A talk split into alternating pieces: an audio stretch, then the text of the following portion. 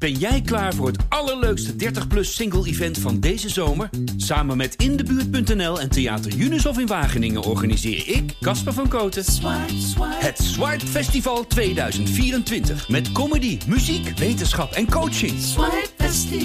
Maar vooral heel veel leuke mensen. Bestel nu je kaart op swipefestival.nl. Swipe, swipe. Hi, voordat je aan deze podcast begint, nog even dit.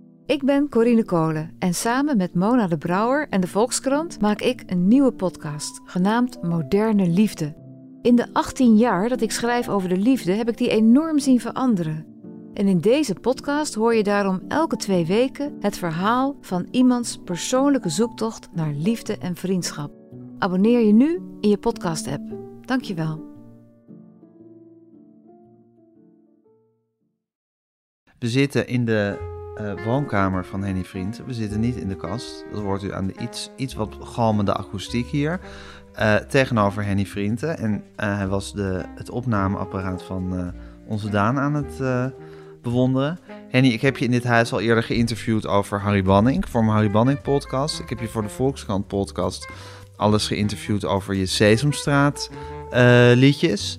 Uh, en toch wil ik je heel graag voor een derde keer interviewen weer uh, aan de hand van muziek.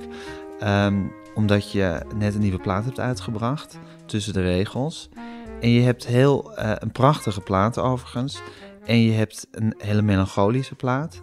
En je hebt heel ostentatief kondigde je ook aan dat het je laatste opgenomen LP zal zijn. Ja, ja. Is dat uh, ja, net zoiets als het afscheid van Elton John, iets wat we ook weer met een klein korreltje zout moeten nemen? Of, of het afscheid van Doe maar. Uh, of het afscheid van Doe maar. 24 keer. 24 keer en elke keer weer. Nee, nee. We doen, bij Doe maar hebben we maar één keer, zijn we één keer gestopt. En al die andere keren waren we weer bij elkaar als band. Dus Precies. dat speelt niet. Ja. Nee, maar nee, dit is. Uh, ik weet het natuurlijk niet zeker.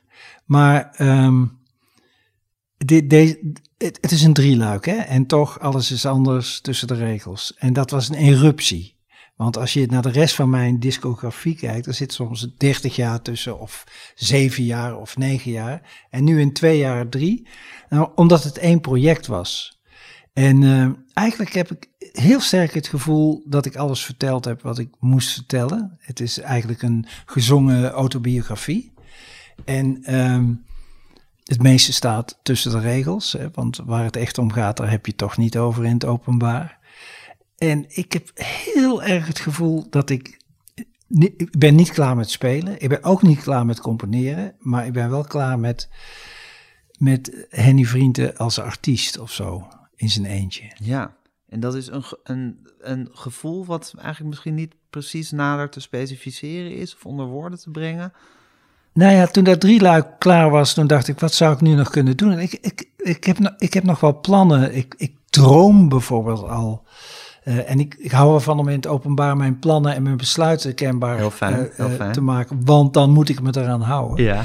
Uh, maar ik, ik, loop al heel lang met het idee om de CD of LP Chad Baker Sings te vertalen en helemaal op te nemen. Dat, dat soort dingen. Maar dat is dan niet Henny Vrienden met nieuwe liedjes. Nee, dat, dat is, ik bedoel, uh, een hobbyproject zou misschien iets te, te licht klinken, maar dat is gewoon, ja, daar dat, heb je gewoon zin in. Ja, dat, nou, ik heb altijd het gevoel, dat is iets voor mij. Omdat ik heel, heel, heel veel van die plaat hou. Uh, Chad Baker Sings heet die.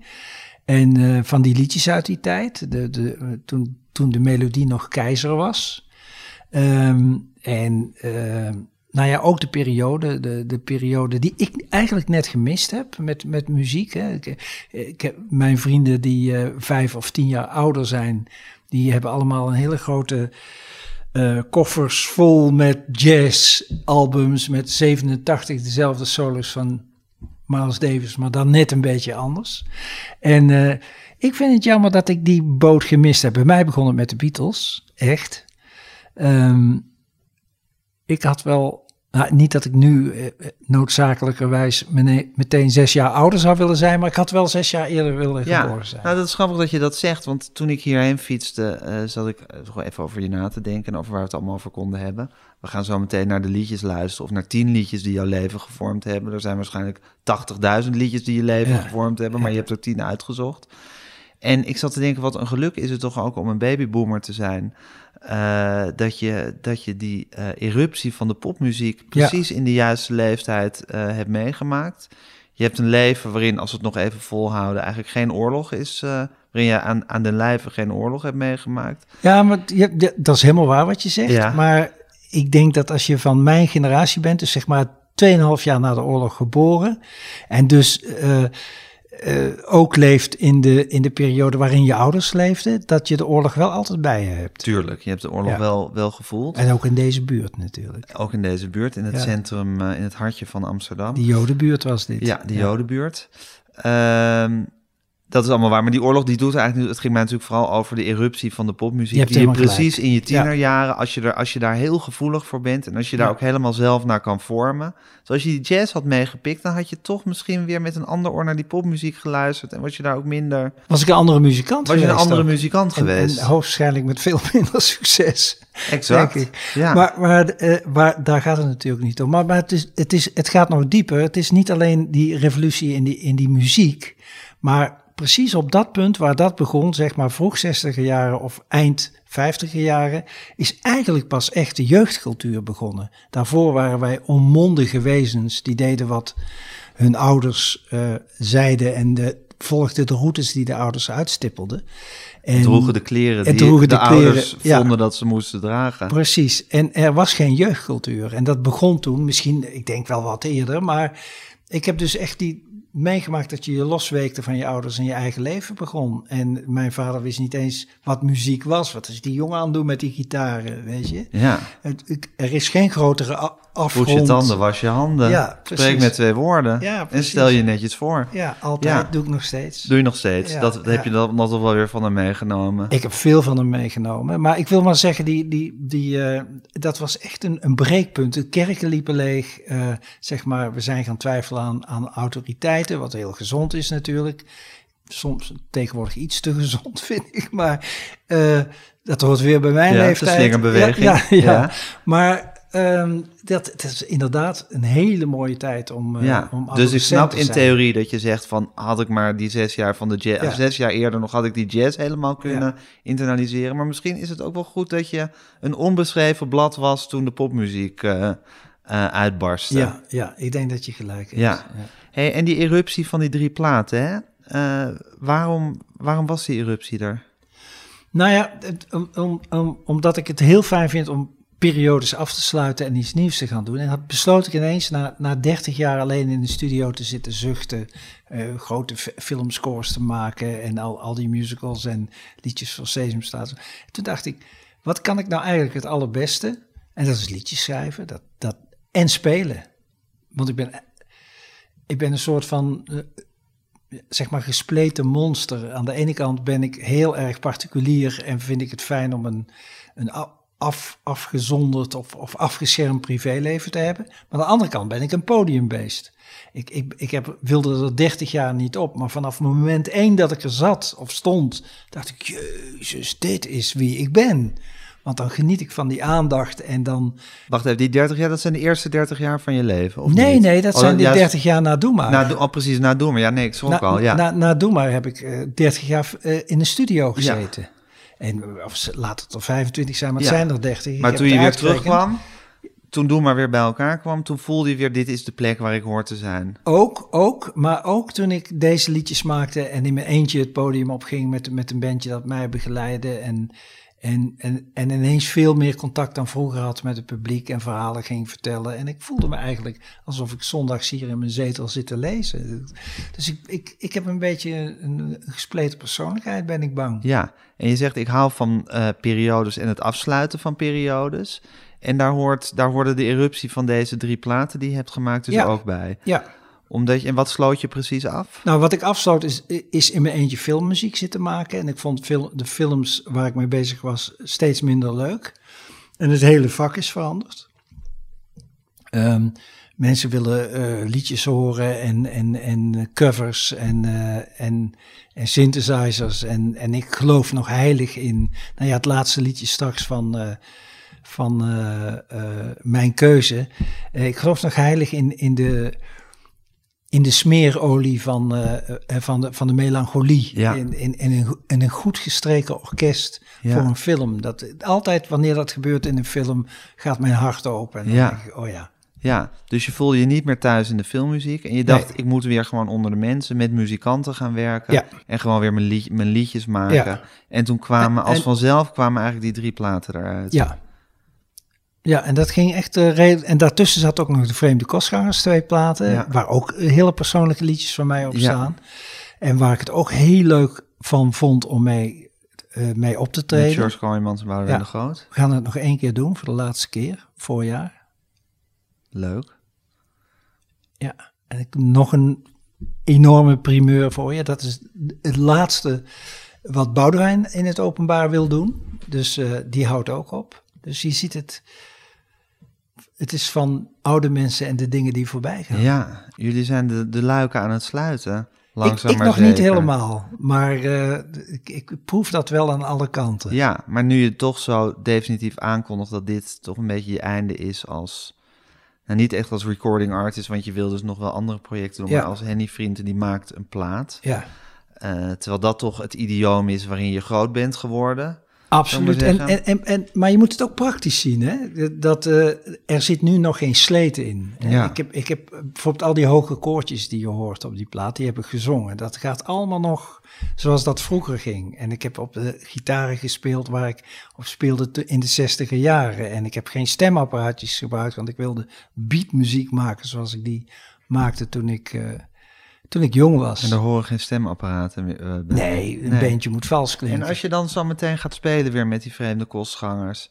en je weet dat Boudewijn, die toch een, een lichtend voorbeeld voor jou ook is geweest... eh, als, als Nederlandstalige popartiest... En, en een, een levenslange vriend ook. En een levenslange Ja. vriend, dat die, eh, dat die zo'n beslissing neemt. Stemt je dat nog droevig?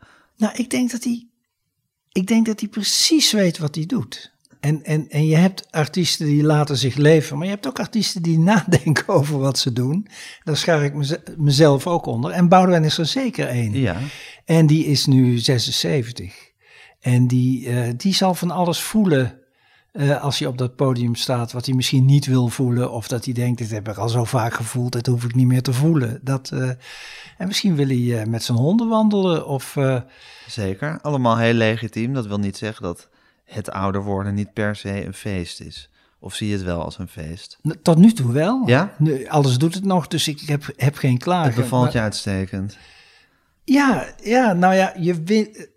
Nu- Nu gaat de doos met clichés open natuurlijk. Eh, Trek hem open. You lose some, you win some. Ja. En ik heb het, het, het idee dat ik meer win dan verlies. Ja, ja, maar dat is wel interessant. Je vindt Ja. dus dat je met het ouder worden ook dingen wint. Absoluut. Inzicht. Absoluut. Ja, en eh, inzicht, herkenning. Ehm, je leest een boek in 1972 en je leest er nu één.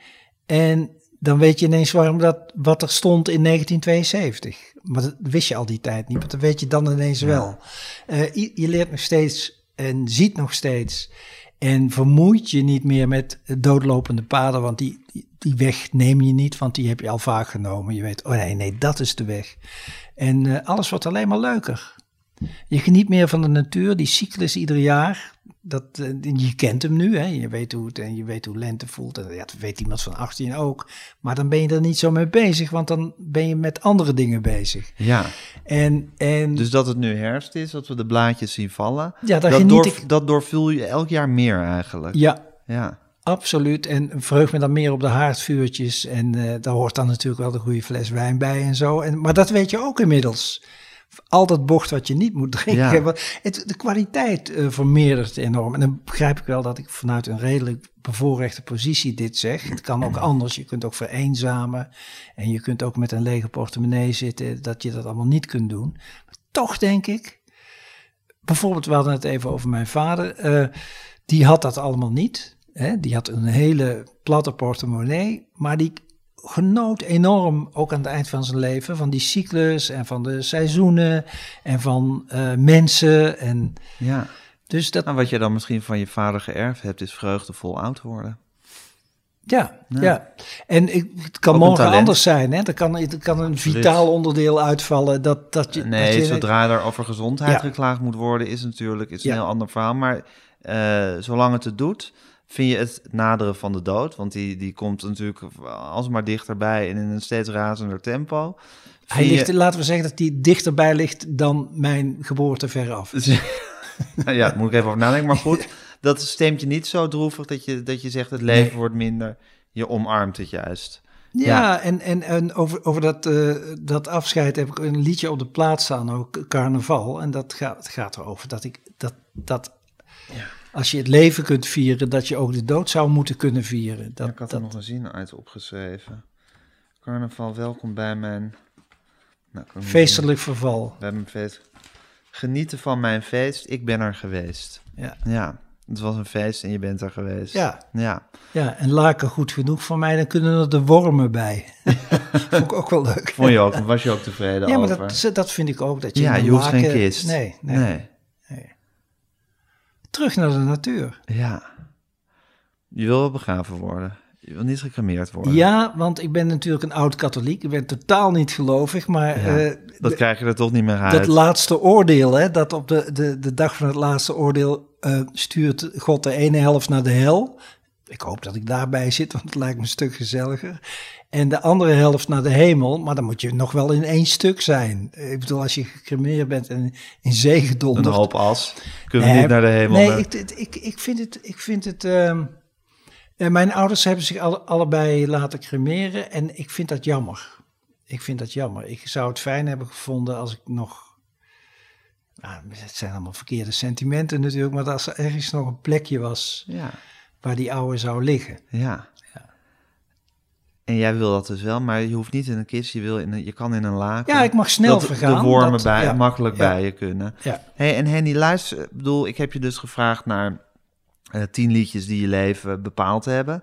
Um, je hebt heel mooi door je hele leven, je kan, je kan zo je, je leven erin terugzien als je naar de lijst luistert. Luister je nog naar alle muziek van vroeger? Of is dat muziek die je helemaal geïnternaliseerd hebt en die je eigenlijk niet eens meer hoeft te horen om hem te horen? Nee, nee dat, dat, is, het, uh, dat is iets waar ik me trouwens al heel lang uh, over verbaas over het muziek en, en muziek en het geheugen. Ik, ik heb met Erik Scherder daar, daar nog uh, in, op Lowlands een programma over, over mogen doen, wat heel erg leuk was. Maar dat is iets wat ik niet begrijp. Als ik drie of vier was en bijvoorbeeld bij mijn opa op bezoek was en die had zo'n bakkelieten, uh, distributieradio met twee of drie zenders erop. Uh, dat was wat je kon horen, meer was er niet. En dan hoorde ik een liedje, één keer of twee keer, en dan 40 jaar niet. En dan hoor ik de eerste twee noten een keer terug en dan kan ik het zo invullen. En daar begrijp ik dus niets van. Dat betekent dus dat dat ergens opgeslagen is in een zijkamertje van je, van je geheugen. Je hebt het niet nodig, maar dan ineens triggert het. Ja, dat moet ook betekenen dat je een uitzonderlijk muzikaal geheugen hebt. Nou, Door iedereen zal hebben dat, dat muziek bepaalde herinneringen terugbrengt. En dat je... Ik denk dat, dat hoe, hoe goed je geheugen is, er daar niks mee te maken heeft. Dat het gaat erom hoe goed je luistert en waar je voor open staat. En ik weet zeker dat ik al als heel jong kind ook met die vreselijke muziek van Leroy Anderson, weet je wel, de, de typewriter, tikketikkedom, tikketikkedom, tik. Dat is allemaal van die, van die arbeidsvitamine-achtige muziek waar ik mee opgegroeid ben. Dat zit, woont allemaal in mijn hoofd. Ja, en, maar laten we dan zeggen dat je ook een grote muzikale intelligentie hebt. En dat... Jij gebruikt hele mooie woorden. Daarvoor. Schitterend, ja. ja. ja. Nee, maar goed, dat is het natuurlijk. Nou goed, daar heb ik het vaker over gehad in mijn interviews. Bijvoorbeeld, ik kan herinner me Erik van Lieshout, de kunstenaar, de beeldend kunstenaar, die op zijn negentiende ging tekenen en toen wist, ja, dit is het en dit ja, kan ik. Ja. Dat is natuurlijk het wonderlijke van mensen. Ja, dat had ik al op mijn elfde. Ja, niet dat ik kon tekenen, nee, maar dat maar ik al wist, spelen. wist, dit is het. En, en ik heb nooit, dat is een groot geluk. Jij zegt dat babyboomers geluk hebben, maar wat geluk is, ik zie nu aan de generaties van nu en al mijn grotere en jongere kinderen, dat ze opties, opties open houden. En dat kan nog, en dat kan nog, en dat kan nog. En misschien ga ik dat wel doen. Misschien moet ik dat nog gaan studeren. En dan doen ze drie studies en dan weten ze nog niet wat ze gaan kiezen. En ik heb het enorme geluk gehad dat vanaf moment één dat ik die gitaar van mijn moeder kreeg. En, en wat ging zitten pielen en zo, dat ik dacht, dit is het. Dit wil ik doen. En ik heb nooit iets anders gedaan in dit leven. Ik heb alleen maar gespeeld. Spelend leven. Wat een moment, hè? Ja. In je leven. Ja. Wat een openbaring. Ja. Was het meteen liefde tussen jou en de gitaar? Onmiddellijk. En dat had ook met die cultuur te maken. Ik denk dat toen ik elf was, toen hoorde je Pat Boone met Bernadine. Of, of je hoorde eh, Bing Crosby. Ehm, ja.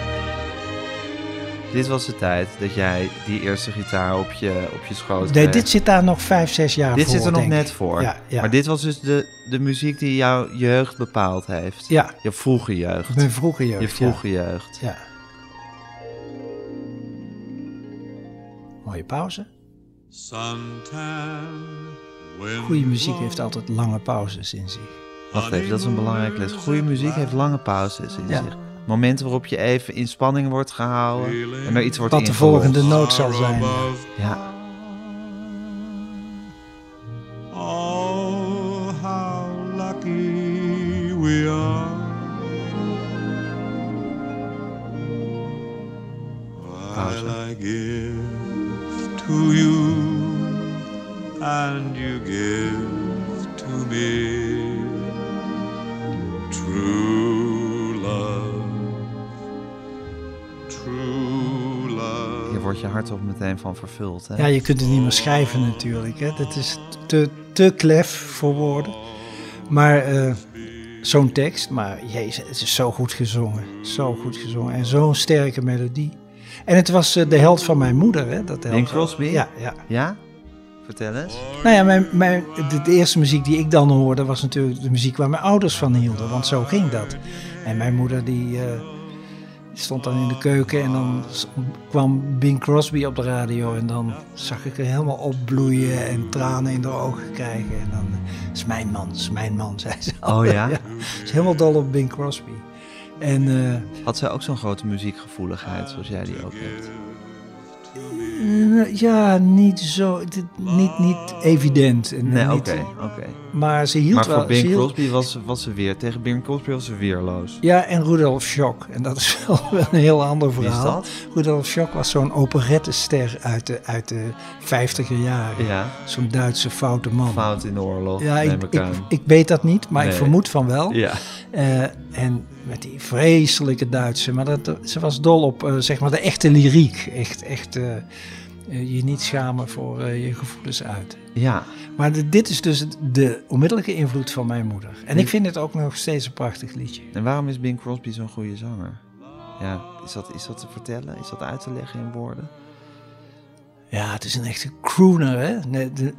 Als je, net Sinatra, dat zijn mensen die gezegend zijn met een mooie, volle stem. En die hem ook nog weten te gebruiken. Want dat zijn twee verschillende dingen. Je kunt een prachtige stem heb- hebben, maar als je niet kunt zingen, dan houdt het op. Hij kan heel erg goed zingen. Ik, ik hou qua zang natuurlijk meer van Frank Sinatra, want er is geen betere zanger. Dat bestaat niet. Is een goede tijd dan. Maar ehm, ja, dit is, dit is een hele mooie. Dit is, dit is ehm, maar dat is ook wel de periode. Liedjes lieten je weten dat alles goed was. Hè? Dat het haardvuur aankon en eh, dat moeder stond te koken en dat het altijd veilig de voordeur dicht, geen boeven in de straat. True Love. Dit is true love en niks aan de hand. Dit is echt niks aan de hand muziek. Ja, ja, en hoe corny dat ook is, zo heerlijk is het tegelijkertijd ook. Ja, en je bent een sukker voor melodieën. Ja. De tijd dat melodie nog koning Ja. was. Dit is natuurlijk een eeuwige melodie. Ja, en, en, en, en wat ook geniaal in dit lied is, is hoe de tweede stem gezet is voor, voor Grace Kelly, die dat met hem zingt. Dat is niet gewoon wat bijna iedereen doet.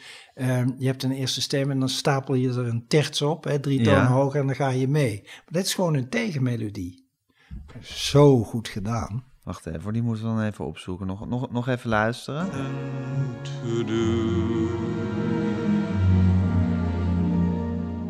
but to give to you and to give to me love forever Nou, Grace, waar blijf je? Zij komt nu.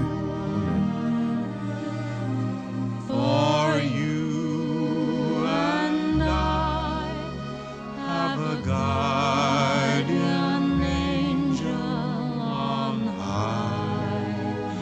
with nothing to do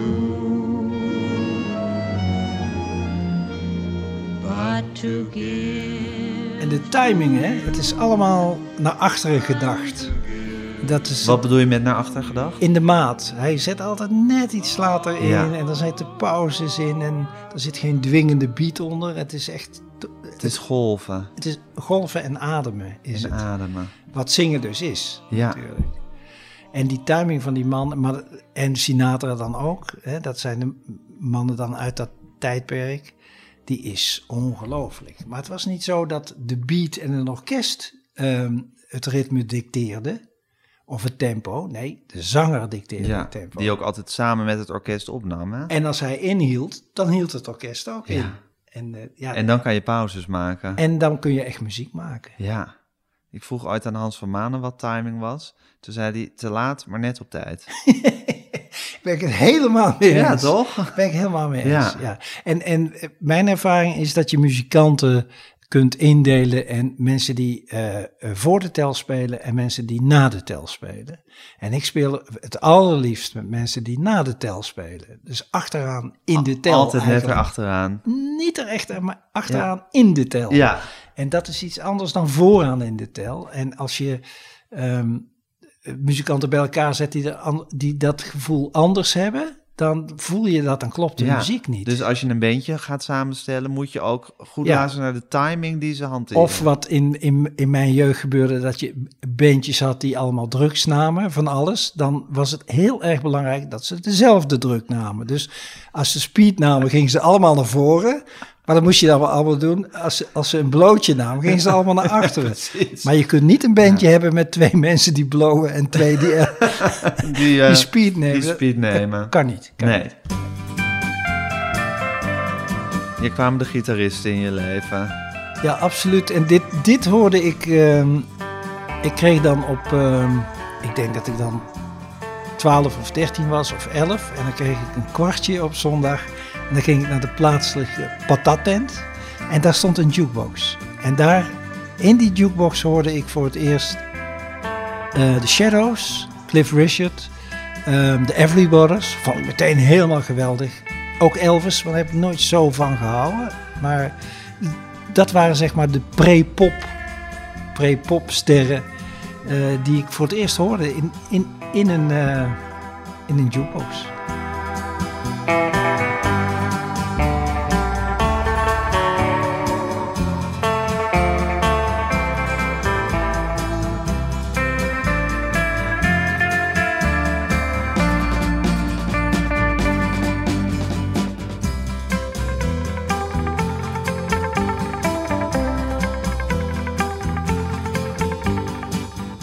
En je besteedde je geld dus niet aan het kopen van singeltjes, Nee, toen nog. nee, maar je besteedde je geld aan... Had ik nog geen pick-up. Had je, je had ook nog geen pick-up. nee, nee. Die kwam een paar jaar later. Ja, dus het was al een evenement dat je niet hoefde te wachten op wat er uit de distributieradio kwam.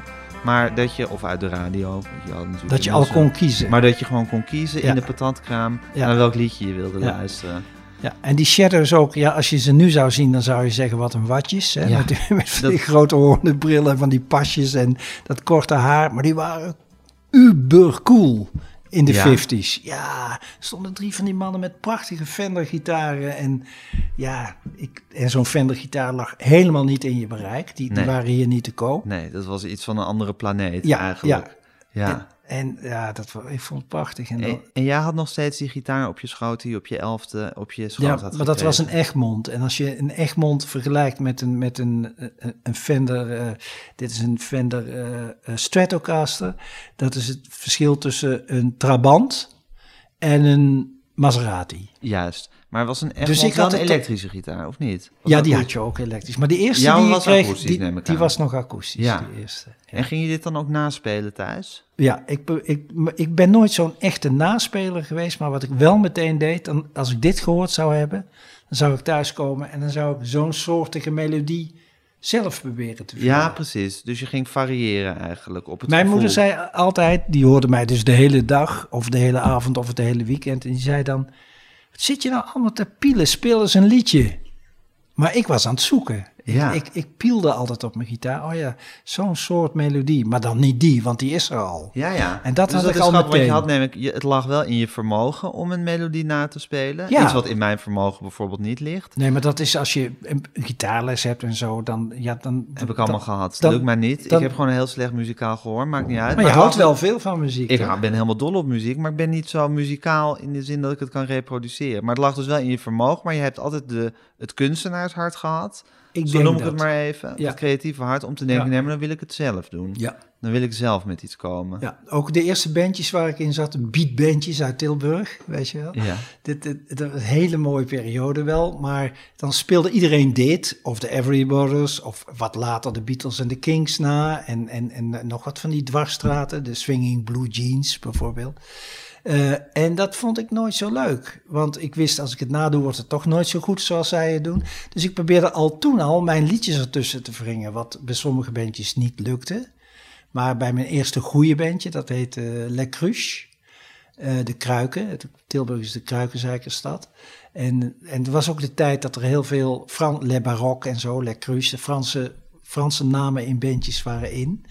En daar begonnen wij al met liedjes van mij te spelen. ook. Juist. Ja. En eh, dat is natuurlijk commercieel niet altijd handig, want eh, als je op bruiloften, partijen, in cafés Werkte wordt, niet. is het natuurlijk veel beter om de hits van die tijd te Ja, spelen. ja, dat werkte niet. Maar je kon er af en toe wel één tussen sluipen. Precies.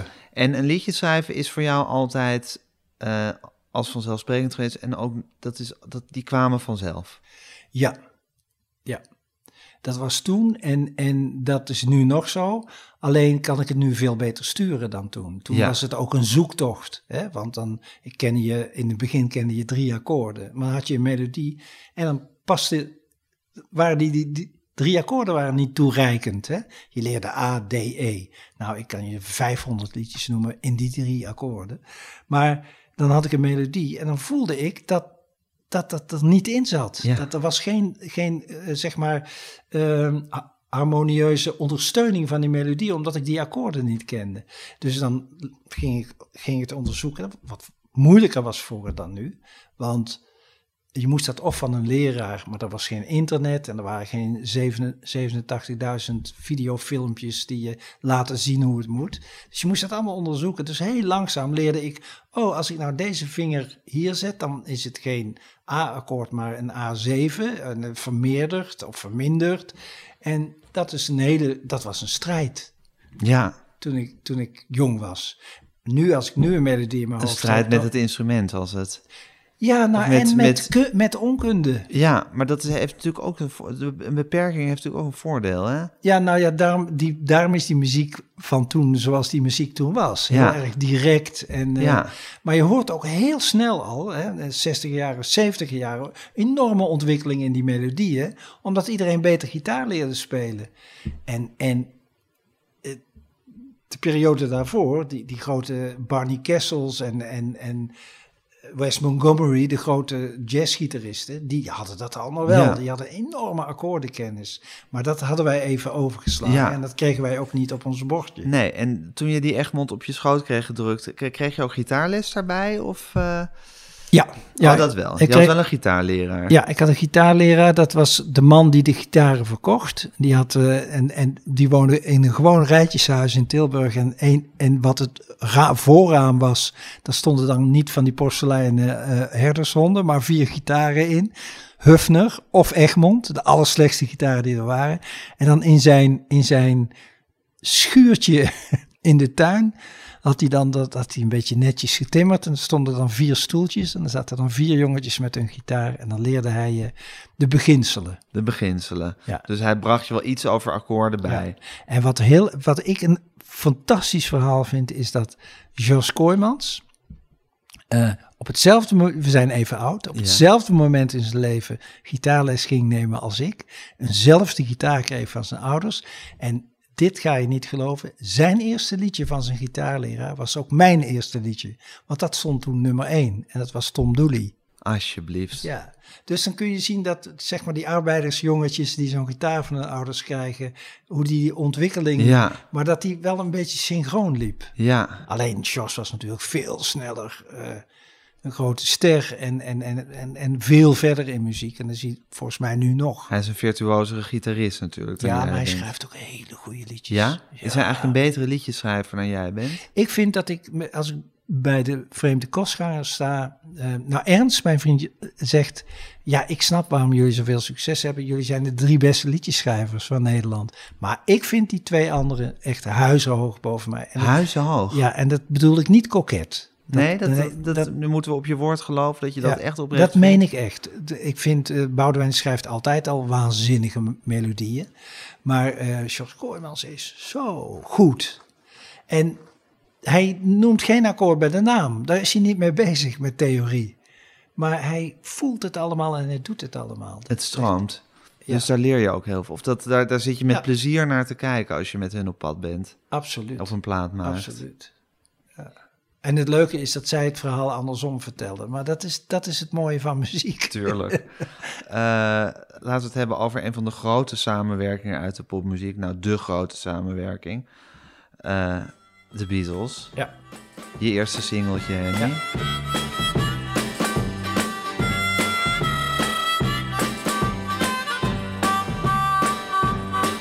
eerste single. Ik, en, en, en net als dat ik nog weet waar ik was toen, eh, toen ik het nieuws hoorde dat eh, Kennedy was vermoord, weet ik ook nog. We zit, let wel, we zitten in de tijd van de Pat Boons en van de Everlybodies en Cliff Richard. Het zijn toch allemaal hele geordende, reine klanken allemaal nog. En eh, Everlybodies komt uit de country en voorzichtige pop zit daar wel in, maar dat, dat is de muziek. Het is allemaal rein. Het is allemaal. Je kan eh, ermee bij je ouders thuis komen. ja, het is allemaal frictieloos en het is En Little allemaal... Richard was aan jou voorbij gegaan. Dat, dat was niet op die, de radio. ja, die hoorde ik niet. Nee. Die hoorde ik later wel. Tuurlijk. Ja, Eh, maar goed. To- toen hoorde ik de eer, deze noten voor het eerst. De mondharmonica van John Meteen Lennon. onderaan in de toon. Ineens was er spanning in de muziek. En ik wist niet wat me overkwam. Ik, ik, ik weet nog waar ik was. Ik, het was in de vakantie en ik deed een, eh, een, een eh, vakantiebaantje. En ik stond ergens iets doms te doen. En de radio stond, zoals altijd bij al die fabrieken en zo, stond aan. En ik hoorde dit en dat, dat veranderde alles voor mij. En ik zei, wat is dit? En eh, meteen geprobeerd die single, maar ik moest nog een paar weken wachten voordat die echt te koop was. Zo ging dat. Nu heb je alles onmiddellijk, maar toen moest je geduld betrachten en goed sparen ook. En eh, nou, dit, dit was dus mijn eerste single. En je hebt dus dat singeltje met dat fantastische gekleurde hoesje. Ja, ja, geloof ik. Waar je ja. zo'n uitsparing, zodat je het... eh, Die zegel- uitsparing, je, want, want je, had, je had je eigen eh, dingetje op de pick-up waar dat plaatje omheen paste. Ja, Ehm, ik weet niet meer precies hoe die eruit zag, dat ben ik allemaal kwijt. Maar dit is eh, gewoon helemaal, de herinnering is auditief, ja, zeg maar. ja. En je hoorde dus, want dat is grappig. Ik bedoel, de Beatles hebben nog veel wildere platen gemaakt dan deze. Maar dit was de eerste die, Dit die was- in Nederland uitkwam. single. Ja, Op ja. het singeltje drumt Ringo Starr trouwens ook niet mee. George Martin vond hem toen nog geen goed genoeg studiodrummer. Zie je dat George. Martin niet perfect is? Wat? Nee, dat heeft Ringo Starr hem geloof ik ook altijd nagedragen. En terecht. En, ja, en terecht. Ehm, maar ze hebben natuurlijk die, die, dat, die waanzinnige eh, eh, carrière daarna nog gehad. Maar jij hoorde in essentie, Bij de eerste maat. bij de eerste maat, Ja. hoorde je al wat Ja. erin zat. bij Nou, ik had, ik had ook nog nooit een, een, een mondharmonica anders dan bij march, ma- rondmarcherende Duitsers gehoord. Dat was echt zo'n rein ding. En ineens hoorde ik die blues daarin. En ja, dat, dit, dit, dat buigen van die tonen, dat zat nog niet in de muziek. Nee. Hè? Dat is hetzelfde de- toen ik voor het eerst op gitaar Jimi Hendrix hoorde. Die deed iets met die snaren. Dat deed niemand. Iedereen deed ping, ping, ping, ping, ping, ping, ping. En dan als er een ontwikkeling in de toon zat, dan was het met de, Tremolo. ja, met, Ja. eh, met de pook. Ja. Down.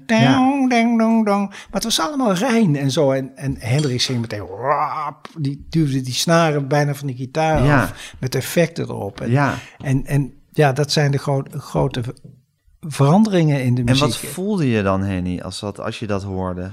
als, als je oren die richting opstaan, hè, dus Ja. alleen maar naar, naar ehm, muziek luisteren, dan, dan ja, dat zijn dat hele grote veranderingen. En, en, en dat is een soort vervoering waar je dan in raakt. Ja, En ook, eh, ja, denk, je denkt eerst deze mensen zijn van een andere planeet. Ze staan in ieder geval hoog op de berg. Dat, Ja. dat, dat, dat voel je dan. Ja, Want dat ene plaatje, dat staat natuurlijk voor alle platen van de Beatles. precies. En ja. ik, ik, weet zo 86 mooiere Beatle-liedjes en, en daar hou ik echt onvoorwaardelijk van.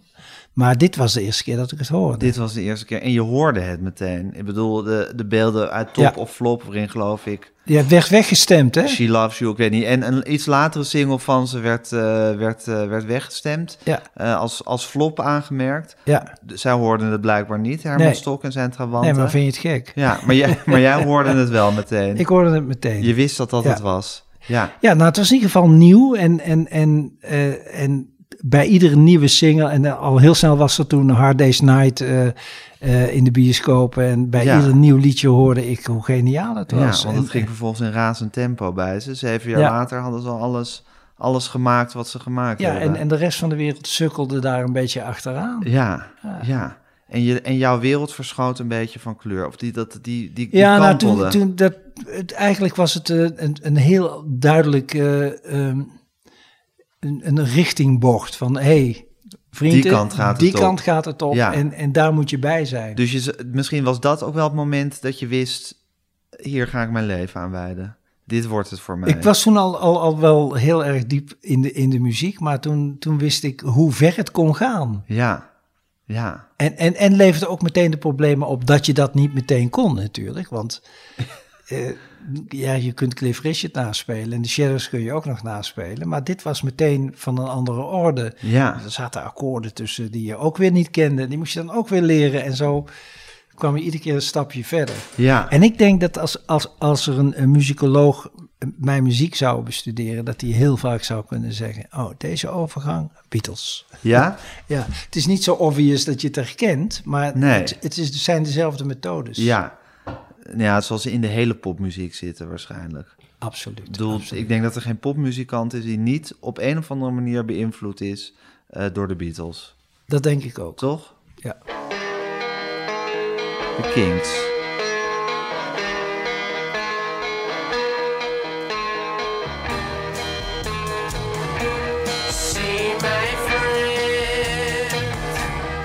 Hoe verhouden zij zich tot de Beatles? Ja, het is natuurlijk ook een Engelse band Ja. uit, uit die tijd. En, en, en in het begin concurreerden ze zelfs met de Beatles qua populariteit. Maar ze, ze zijn quintessentisch Engels.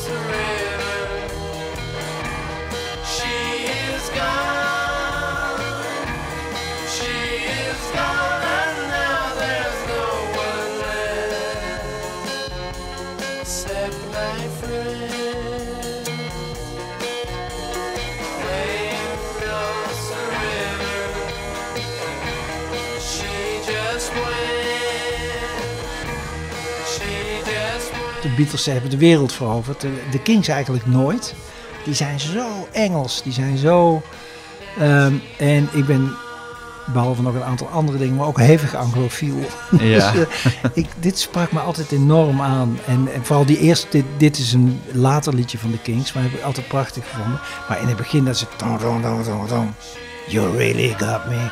Ja, dat vond ik van een ruigheid. Dat was eigenlijk al punk. Ja, En eh, geniale schrijver die Ray Davis. Echt. Zijn latere werken ook. Ja, Kings heb ik ook hoog zitten. ja. hey, en wat voor jongetje was je toen, eh, Henny, op je vijftiende, zestiende? Nou, ik, ik heb wel eens gezegd dat je aan mij kon zien hoe de week daarvoor eh, Dave Davis van de Kings eruit zag.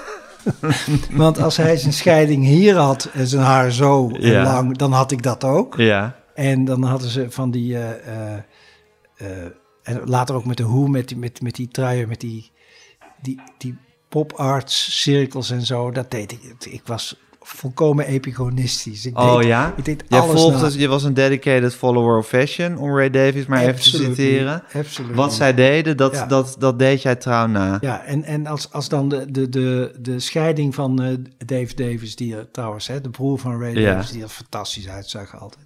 De scheiding ging naar het midden en zijn haar zo, dan had ik dat een week later ook. Ja, En ik, ik ben er ook van overtuigd dat ik in de eerste vijf bandjes waar ik in gespeeld heb. Niet om mijn skills, maar om mijn looks ben gevraagd. Want ik zag er altijd heel hip uit. En ik was, ik, ik was het eerste langharige tuig van Tilburg. Ja. Mensen die op straat begonnen me uit te schelden omdat ik lang haar had. Maar je durfde het dus. Ja, Je was- want ik had het heilige licht gezien.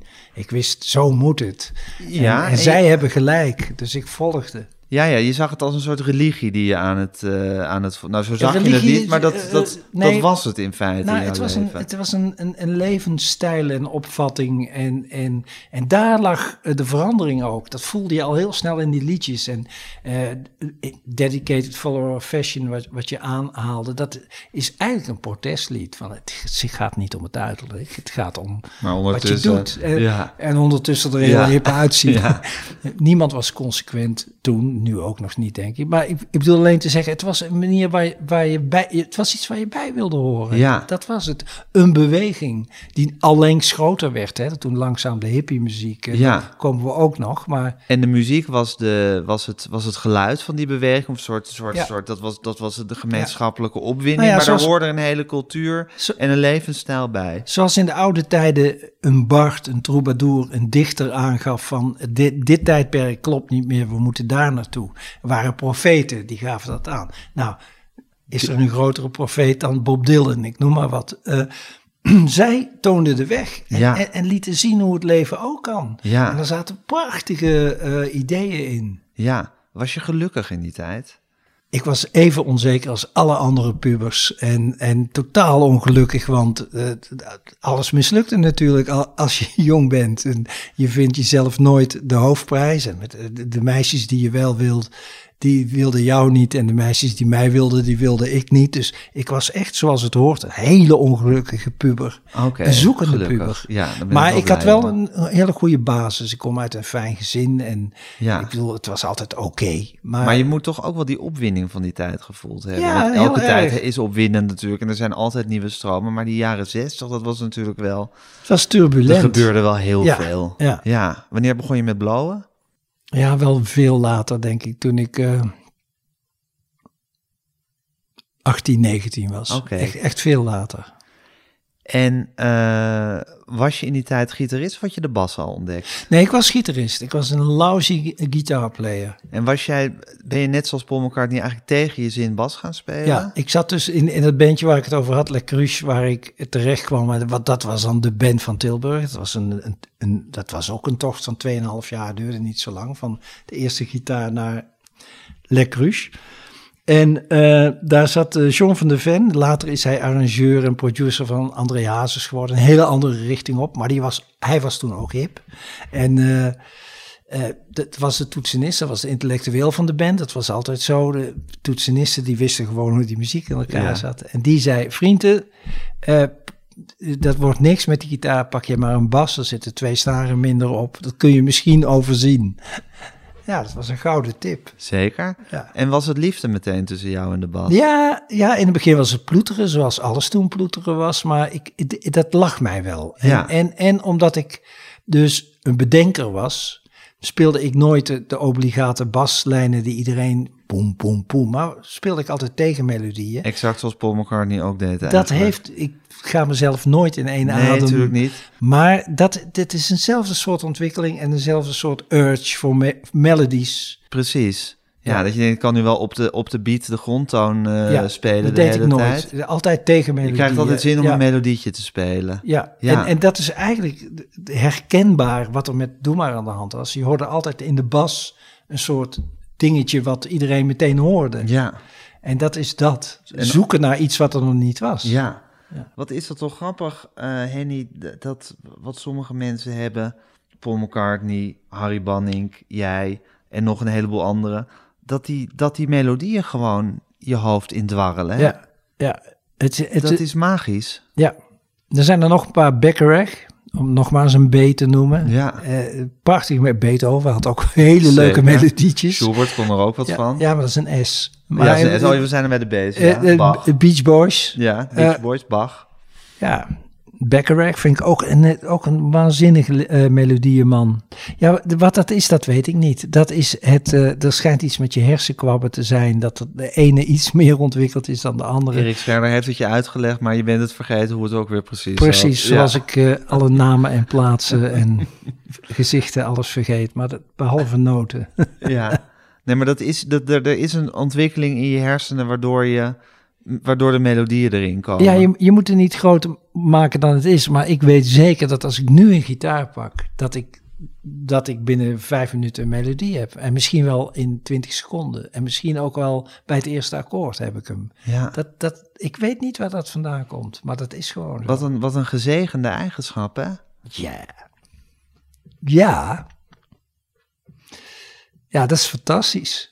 En, en hoe ouder ik word, hoe meer ik het ga waarderen. Zelfs voor seizoenen ook.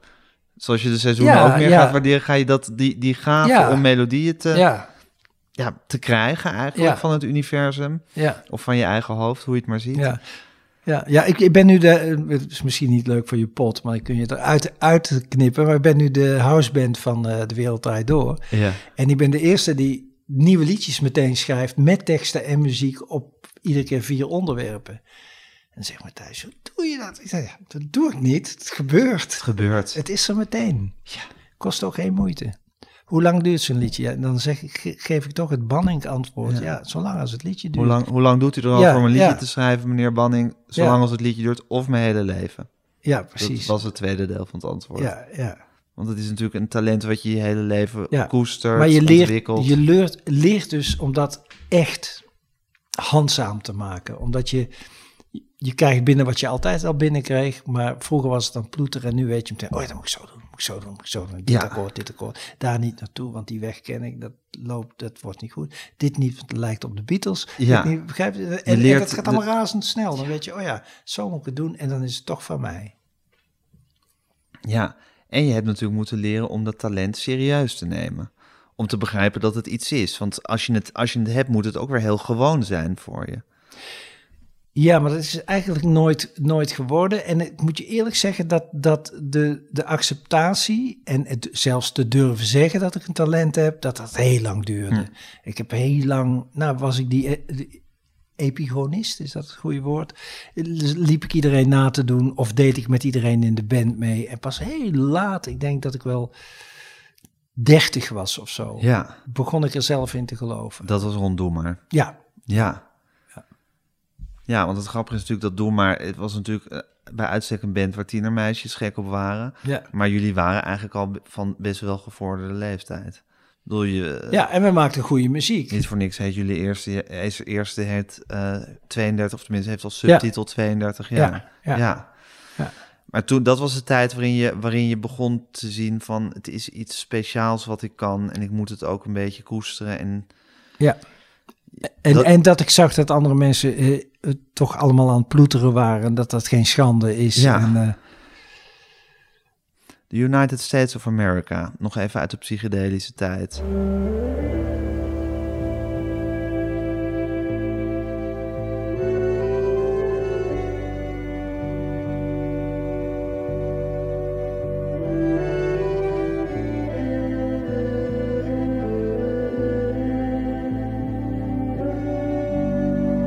Ja, dat is de volgende stap, hè? zeg maar, na, de Beatles en de Kings. En dit is muziek die... Uh, dit, deze plaat is trouwens een antwoord uh, van Joseph Bird, heet hij. Een van de geniale... Uh, de frontman van de United States. Een band die maar één plaat heeft gemaakt, ja.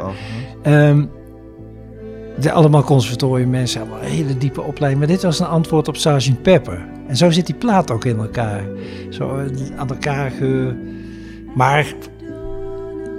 En was het een cynisch antwoord op Sgt. Pepper of een bewonderend antwoord op Sgt. Pepper? Het was volgens mij vanuit bewondering ontstaan, maar dit waren intellectuelen. Die maakten totaal andere muziek. En uh, dat hoor je, het is modern klassieke muziek eigenlijk. Ja. En uh, prachtige melodieën. En, en die plaat heb ik ook altijd heel erg goed gevonden.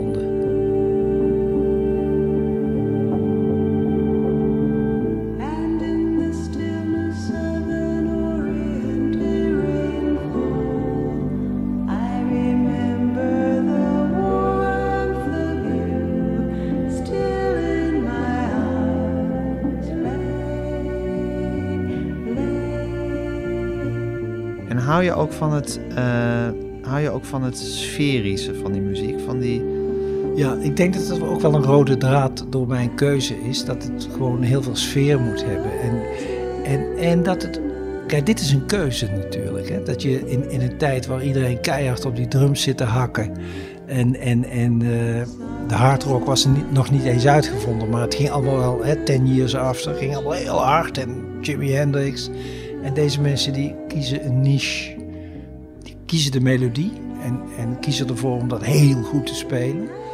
Ehm, en ja, het- melancholie is echt mijn, mijn, mijn, mijn, nou zeg maar echt mijn smeerolie. Ja. Dat is echt zonder, ik vind alle liedjes die melancholiek zijn en iedereen die de onderkant pakt in plaats van maar ja, het heeft altijd meer mijn voorkeur. Ja, wat grappig. Terwijl je toch, als we het net over ouder hebben, praat je daar eigenlijk in hele ja, onmelancholische woorden over. Want je, je omarmt het. Ja. Maar je houdt van dat gevoel van een beetje hangen in... Vroeger was het mooi.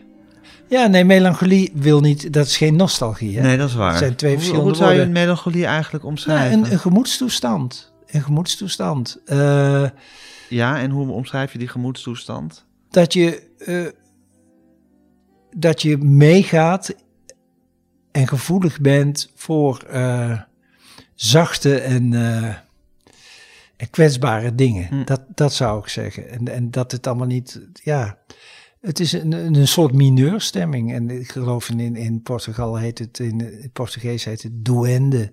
En er zijn he, saudade. Dus het zijn allemaal van die woorden om een, om een eh, licht trieste, maar ni- niet een wanhopige, maar om een licht trieste eh, gemoedstoestand eh, te Ja. verklaren. Ja. en die sluit helemaal, die, die, die past jou. Ja, die jas Ja. past mij heel goed. Die jas past jou heel goed. Dus je Ja. houdt ook van muziek waarin dat vertolkt wordt. Ja. Dat gevoel. Ehm, dit is niet melancholisch. Nee, helemaal niet. so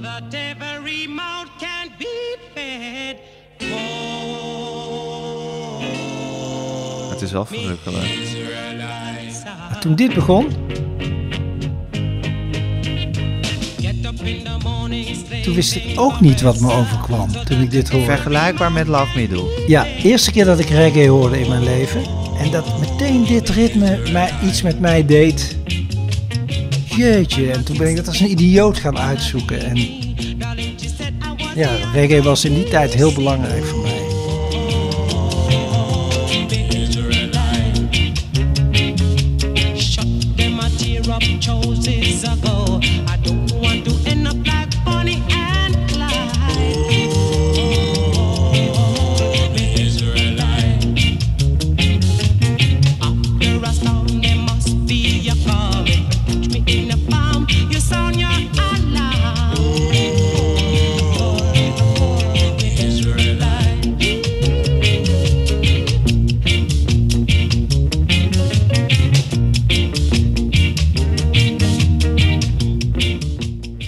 Is dat met die reggae? Dat- nou goed, als je het, als je het achter, de, achter de tel of er achter de tel aan hebt, is dit natuurlijk de sublimatie daarvan.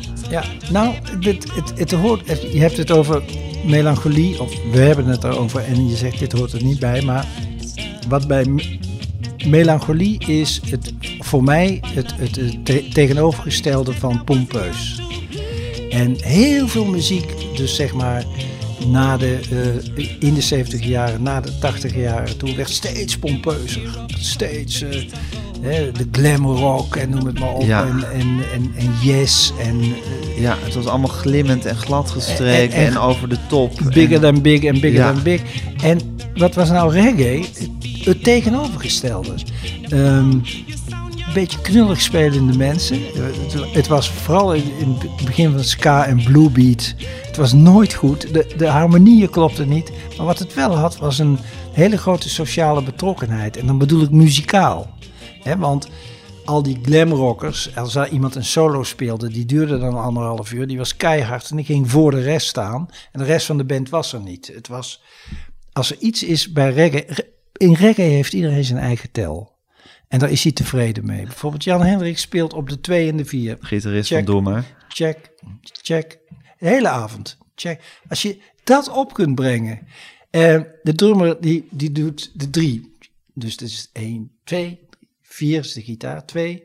De drummer doet 1, de 3, 1, 2, 3. En hij blijft daar de hele avond. eh. En dan het orgeltje, die doet eh, de opmaat van de 2 en de 4. Koewak, koewak, koewak. En er staan volwassen mensen de hele avond dat te doen. Weet je wel, geen excursies, geen solo's, geen, geen hoogstandjes. De enige die er een beetje doorheen fietsen is de bassist. Maar dus die bassisten zijn ook allemaal heel erg beperkt. Zoals ik dat ook ben als bassist. Maar wel... En dat, Melodieus. En, en, en dat, dat is reggae. Dat Ja. reggae is het vertrouwen in de rest. Hij heeft zijn tel, Ja. ik de mijne. Ik ga nooit jouw tel verstieren.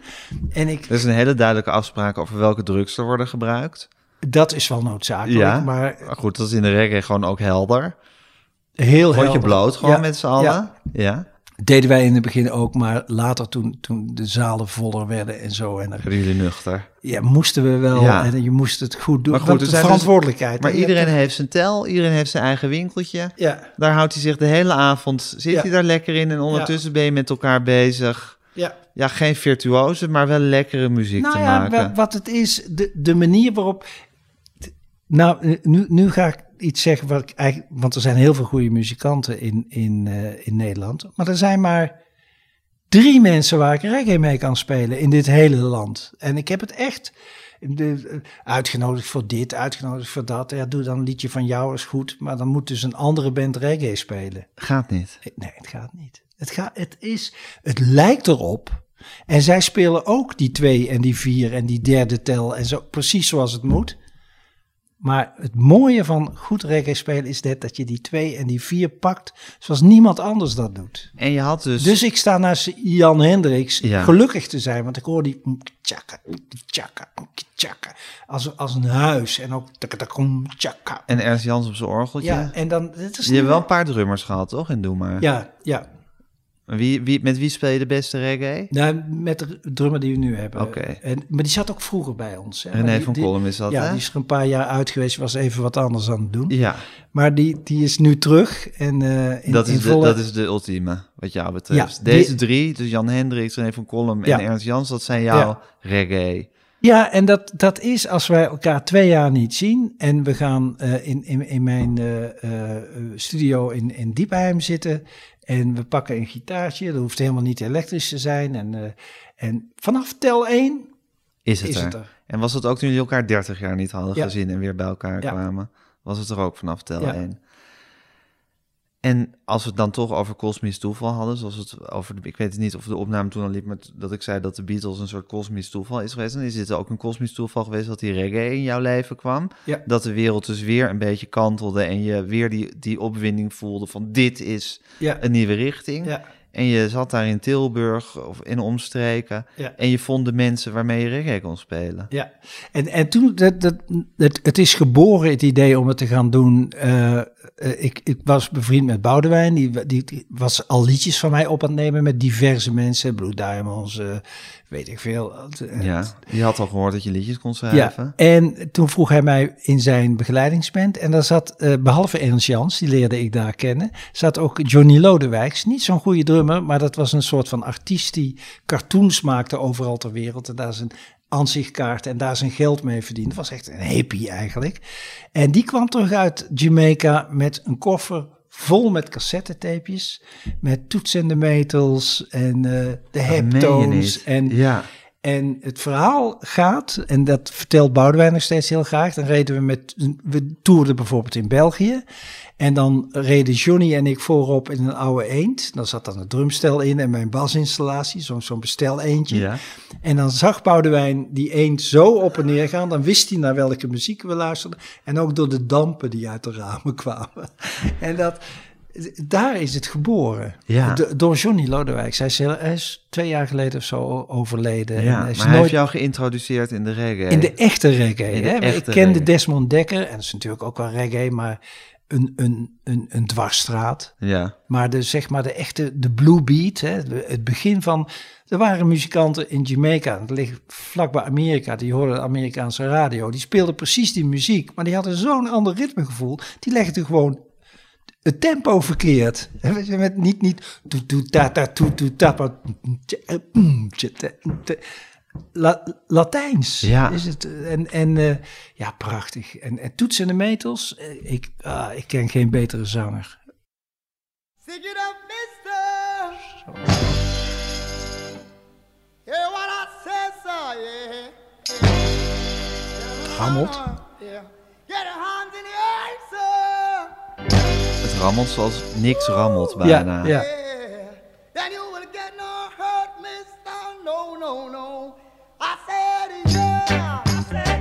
Oh Henny, zo jammer dat niemand je nu kan zien. Ja. ja, dit is het gewoon, dit is mijn ritme. Hier word je intens gelukkig Ja. van. En hier hoor je ook melancholie in. Ja, ja ook. Dit, dit is eigenlijk blues, hè, zoals hij, die kreten die eruit Hier hoor je alles Ja, in. ja. En dit is een vrolijker liedje van hem, maar ik heb deze gekozen omdat... Wat gebeurt er nou? Dus vier, twee, meer gebeurt er niet. Er is niemand die staat te pielen. Het swingt. Het swingt als een bezeten.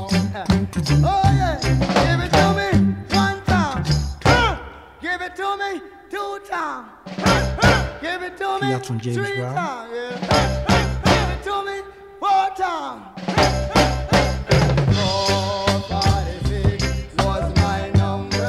Oh, right now. Ja, hier heb ik jarenlang eh, met de koptelefoon en Op een gro- kunnen leven. grote toeter in mijn mond naar liggen luisteren. Ja. En dit is echt, echt de kiem van Doe Maar. We maken natuurlijk andere muziek. We komen uit een andere cultuur. En Ja. Het is allemaal net iets kekker. Zo rammelig als dit zijn Nee. jullie nooit Nee, geworden. nee. Nou, we speelden in, die, in het begin wel zo. Ja? En, en eh, als het aan Ernst had gelegen, hadden we veel meer zo geklonken. Maar ik, en, en, en daar had hij helemaal gelijk in. Maar dan waren we altijd een soort van afspiegeling geweest. En ik heb altijd gezegd, nee, we moeten onze Europese roots, eh, zoals de popmuziek in elkaar zit, we moeten dat mengen. Ja. We moeten on- onze skills ook kwijt. Ja. Dus vandaar al die koortjes en al die... eh, Ja, jij- vond het te beperkt om helemaal dit te Nou ja, of nee, niet ik vond- authentiek ik- genoeg. Als ik hier naar luister, is het meer dan genoeg. Ja. En er is niks authentieker dan dit. Nee, Maar voor ons, wij, wij, wij jullie komen niet van Jamaica. we zijn geen derde wereldland. En Nee. we, we zijn allemaal verwend en we hebben goede instrumenten. Ja. En eh, het moet anders zijn. Ja. Eh, Dat, dat, dat was de visie. Hey, en Henny, hoe is het als je dus ineens op je dertigste, eh als je liedjes ineens zoveel weerklank vinden? Ja, nou op een of andere manier.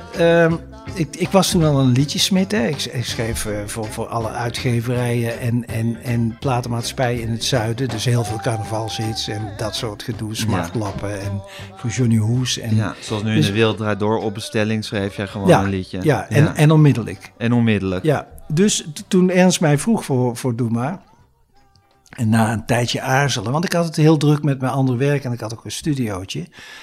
En, eh, maar toen veranderde er iets in mijn privésituatie en dacht ik, dat is misschien wel leuk om in een band te gaan spelen. En, en toen zei ik, oké eh, Ernst, ik, ik, ik doe mee. En toen zei hij, ja, we zitten in de studio in Weert bij Johnny Hoes en we komen drie liedjes tekort. En toen heb ik dus, ik heb het vaker verteld, heb ik in één middag, heb ik eh Smoor verliefd, 32 jaar en, en wat was de andere, weet ik niet meer. Maar in één middag, Ja. want zo werkte ik. Ja. Later ging ik er bij Doe maar veel langer over doen, omdat ja, je moet niet steeds hetzelfde doen en er moeten ontwikkelingen in zitten. Maar eh, ja, dus ik vond het eigenlijk ja, gewoon. Nou ja, je vond het gewoon dat je ze schreef, maar ineens Ja. stonden ook tienduizenden mensen, het hele land en nog altijd zijn dat, zijn dat iconen uit de Nederlandse popmuziek. Ja, die dat, liedjes. dat is heel vreemd als je dat overkomt. Maar aan de andere kant, als je al Nou ja, als je al vanaf je elfde, twaalfde naar, naar grote sterren luistert en ze na probeert te doen, ja, dan kan het zomaar gebeuren dat je Ja, jezelf overkomt. Je, had altijd Je weet hoe het moet. Precies, en je had altijd wel rekening gehouden met de mogelijkheid dat je dat, dat, dat, dat geluk jou ook Ja, en, en, en, en dat eerste jaar toen wij zeg maar van, van totaal onbekend de, de, de vlucht naar boven maakten. En dat gaat echt met stappen en dat gaat met iedere keer duizend mensen meer in de zaal. En, en, en dat was een fantastisch jaar. Toen we daar eenmaal waren, toen zag ik, ja, maar dit is het ook niet. dat, dat, dat leven. zoals dat gaat in het leven. Ja, toen Ja. dacht ik ook, ja, maar dit vind ik niet interessant dat mensen met gitaar gaan dra- dragen en zo. En ik vond het een hele, hele foute wereld. En kon je toen bedenken wat je nog wel interessant vond? Nou, dat, Want eigenlijk... dan ben je eigenlijk je hele leven bezig met, met een bepaald soort eh, muziek en, en het leven dat daarbij hoort. En dan heb, heb je dat bereikt. Dan Dat is wat heel leven. veel mensen zeiden van je bent heel je leven ben je in de marge aan het, aan het ploeteren eh, om succes aan het vragen en nu krijg je karrevrachten vol en dan wil je eruit. Ja, Maar ja, zo zaten wij aan elkaar. We- We were not in it for the money. Hè? Dat, eh, er is een heel beroemd verhaal van Harry de Winter, die ooit, die deed toen onze tv-dingen, toen we Ja. echt heel groot waren. En dat wij zaten bij elkaar, een beetje moe zo. En dan komt de manager binnen met Harry de Winter en stralend van, jongens, we hebben nu een deal voor jullie. Je moet één liedje spelen voor een, een nieuw eh, ehm, Dr. Pepper of zo, zo'n Ja. zo'n drankje. Een miljoen! En vier jongens zeggen tegelijk, nee, geen interesse. Dat was doelbaar. Ja. We waren niet geïnteresseerd in, in, in, in, in meer en meer en meer en het vasthouden. We wilden alleen maar muziek maken. En dat werd steeds moeilijker. Want net als de Beatles, wij hoorden elkaar ook niet meer. nee. Want het was alleen maar gegil. En was het voor jullie, zoals de Beatles hebben gedaan, een optie om te zeggen, nou dan treden we niet meer op en dan worden we een studioband? Nee, dat, dat was niemand zo slim. En eh, om daar op te komen. En wat er gebeurde is... jullie, jullie het hadden voorgedaan. Wat, wat mij overkwam is, en, en dat was, we stopten, we zaten in de studio, we waren een plaat aan het maken en we waren niet blij en het ging niet goed. En toen zei iemand, en ik weet niet meer wie, maar die zei, eh, we kunnen er ook mee stoppen. En toen zei iedereen, ja, dat is een goed idee, een beetje giechelen en zo. En s'avonds was het op het nieuws en toen was het een feit. Het, het nieuws opende, de popula- razend populaire groep, doe maar, stop ermee. En eh, toen waren we, nou ja, iedereen huilde behalve wij. Zo, zo simpel was het. Jullie waren opgelucht. Ja, en dat was op een vrijdag. En op maandag word ik gebeld door een regisseur, Vivian Piepers- Pieters, die de prooi aan het maken was. Zou je het leuk vinden om een soundtrack te schrijven? Toen dacht ik, oh, mijn volgende baantje. En dat is toen 20, 30 jaar doorgegaan. En toen was ik opeens 200 films verder of zo. Zo, zo heeft het leven altijd leuke verrassingen voor je in. Ja, leuk, maar ook wonderlijk. Ik herinner me, er was dus een goede documentaire over jullie gemaakt ooit toen jullie weer, eh, volgens mij je eerste comeback of je tweede comeback, in ieder geval toen jullie weer bij elkaar kwamen. En toen daarin zat het verhaal dat jullie ook altijd gedoe hadden over eh, de, de, song, de, de credits voor de songwriters. Nee, dat is... Dat is Klopt dat, dat? Ja, er, is, er was wel iets in, in die documentaire, dat, eh, dat was toen we in de Ziggo Dome gingen. Is niet zo oud, die documentaire. En er was iets, maar er was heel iets anders dan dat wij gezeik hadden over, over eh, credits. wat het- er aan de hand was... Ja. Oh, ja, Nee, jij- je. vertel jij je Ja, nou, wat er aan de hand was, is dat ik me altijd bezwaard voelde dat ik, omdat ik de meeste liedjes schreef, in ieder geval de meeste hits, dat ik eh, rijk aan het worden was. En dat Jan Hendricks, mijn beste vriend, en eh, Ernst, die, die was ook niet onderbedeeld, maar dat dan een hele goede vriend gewoon die kwam ook niks tekort, want we verdienden veel geld met optreden. Maar eh, toch veel minder verdiende. Dus ik, ik heb een paar keer voorgesteld. Zullen we de gewoon nooit meer lullen over van wie welk liedje is. We delen alle credits met Ja. z'n vieren. En dat wilde Ernst niet. En dat begreep ik toen niet. Eh, maar nu begrijp ik het wel. En, en, en eh, Ernst die had, dat ging hem helemaal niet om, om geld of wat dan ook. Maar het ging hem om eh, identiteit. En Ernst is natuurlijk een Indo. En die stond heel anders in het leven dan ik. Die had altijd het gevoel dat hij zichzelf moest bewijzen of zo. Ja, ik Als even er- voor de 12-jarige luisteraars zeggen dat Ernst Jans en jij waren de twee belangrijkste eh, en, liedjescomponisten. en vrienden, en vrienden. En, En vrienden. en, maar, maar ook, ook rivalen. Tuurlijk. Ja, zo- Zoals zo- Lennon en McCartney ja, ook rivalen precies. waren en tegen elkaar opboden door met, Ja. met het schrijven van liedjes. Dat En het had te we- maken met identiteit, zeg jij. Ja, nu, de Ernst zei later, ja, maar dan stond mijn naam daaronder en dan wist mijn vader dat ik dat gemaakt had. En, ehm, en, en dan staan er ineens vier namen onder. En hij had ook slechte ervaring in, in die CCC in, eh, in die commune. hè. Dat, dat Zijn vorige band, de band daarvoor. tekende iedereen, zijn naam stond eronder, maar zes lagen er altijd stoned in een hoek en Ernst had liedjes te maken, begrijp je? Ja. Dus had, en, en, en nu, toen zag ik dat niet, maar, maar nu zie ik dat heel Ja. erg goed. Ernst had gewoon gelijk. En je hebt toen even je kont tegen de krip gegooid. Door ook te zeggen van oké, dan doen we het niet. Maar dan ga ik ook niet meer al mijn muzikale Ja. eh, creativiteit in die band stoppen. En dan Zoiets, zoeken jullie ja. maar Zo- zoiets. Ja, ik vond het een heel interessant verhaal. Omdat ik het eigenlijk van iedereen uit begrijpelijk vond.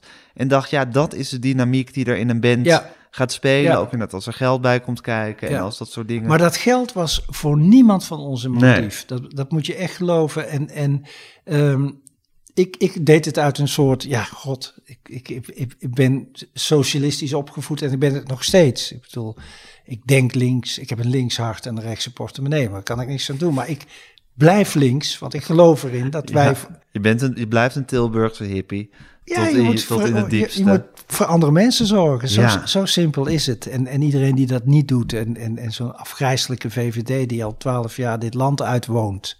Weet je, Je wil het maar Echt even gezegd hebben. Ik wil het één keer zeggen. Ja. Nee, maar begrijp je wat ik bedoel? Dat, dat, dat, dan gaat het niet om het geld. Het Nee. gaat niet, nee. Maar ik deed dat omdat ik dacht van, we moeten gelijkwaardig zijn in alles. Ja. Hey, en vertel dan ook Wat natuurlijk niet de- zo is als je... Ernst had gelijk. Hij bedenkt het liedje, zijn naam eronder. En ik bedenk het liedje, mijn naam eronder. En dus hij heeft gelijk, want zo hoort het wat het is voor mij. Maar ja goed, ik zit met van die rare Er sociale... valt wat over te zeggen. Ja. En vertel nog even iets over de, de creatieve kracht van rivaliteit. Ja, dat is heel simpel. Ehm, het mooiste voorbeeld is, na 20 jaar, het was niet 30 jaar, na 20 jaar gingen wij weer spelen en we zouden een plaat gaan maken. En dan, ehm Ernst zou zijn liedje schrijven en ik zou een liedje schrijven. Wat ik van die, het is een prachtige plaat en er staan, het, hij klinkt heel goed, hij is mooi gemaakt, maar het is niet een echte Doema-plaat. Want inmiddels waren we twee 50-jarige singer-songwriters met hun eigen credo. Ernst had zijn prachtige plaat al gemaakt, soloplaat en zo. Dus we waren wel, het, het, het paste wel samen, maar het was niet meer dat bandje natuurlijk. Maar wat leuk was, dan belde Ernst mij, ja, ik heb een liedje. En dan zei ik tegen Ernst, ja, ik heb er nu zeven. En dan eh, belde Ernst na drie dagen, ik heb er nu ook zeven. Ja, maar Ernst, ik heb er nu veertien. En we zaten elkaar enorm op te jutten. Vandaar dat het een dubbelalbum is geworden. Er staan heel veel liedjes op. Maar dat was de rivaliteit. Van, eh, ik kan dat heel snel, dus ik jutte ernst op. Weet je wel. Eh, En, en, maar maar ook, ook wel... ehm, we hebben een andere eh, geloofsovertuiging in de muziek. Hè? En Ernst is veel romantischer en, en, en, en, en, en houdt altijd van het meest sobere. Vandaar ook dat hij nog steeds het liefst zo zou willen spelen als Toets en de Metals. En ook met die ongelijkheid en ongeorganiseerdheid. En, en ik geloof daar ook wel in, in, in zijn visie. Echt zeer zelfs. Eh, maar ja, dat, dat kwam er ook bij. Dat ik dan, eh, lag ik in de een bank, lag te slapen. Dan waren ze met een thee bezig. En dan zeg je, nee, je moet daar dit, en dan deden ze dat. En nee, je moet altijd, altijd meer dan de rest. Ja. Weet je, altijd rivaliteit. En, maar op een gezonde manier. En Ja. we hadden er ook wel eens eerlijk gezegd een ruzie over. Dat ik zei, Corrie, met zo'n zeikliedje met weer zo'n vrouw, weet je, Ja. Bellelijn. En eh, dan zei hij, ja, maar jij bent een cynicus. En eh, hoezo, doe maar net alsof je neus bloedt. Zo ging dat dan, weet je wel. En dan stonden we tegenover elkaar. Maar drie minuten later stonden we in elkaars armen te huilen. Van, ik bedoel het niet zo. En zo. We hebben nooit echt ruzie Ja. gehad. Nooit, nooit. Het was, Ben je dankbaar, los van, los van het fortuin dat het je gebracht heeft en de naam die het je gebracht heeft, ben je ook dankbaar voor de, laten we zeggen, Beatles-ervaring die het je gegeven heeft? Ja, en, en nou ja, eh, het, gewoon eh, wat ik eigenlijk het mooiste geschenk vind, en, en, en dat klinkt wollig, en dat is het misschien ook, maar ik zeg het toch, is, zijn die twee mannen. Als, als wij met z'n drieën, en er zit een drummer bij, geef Ja. toe en ook nog wat blazers. En dat hou ik ook van. Maar En Joost Bellenfante. ja, die doet lang niet altijd. Nee, mee. maar goed. als, als ik met, met Ernst en Jan op een podium sta, ik hou oprecht veel van die mannen, maar dan gebeurt er altijd iets. En ja, iets mooiers kun je niet vinden in dit leven. We beginnen te spelen, er staan 10.000 man in de zaal. Daar kijken wij niet eens naar.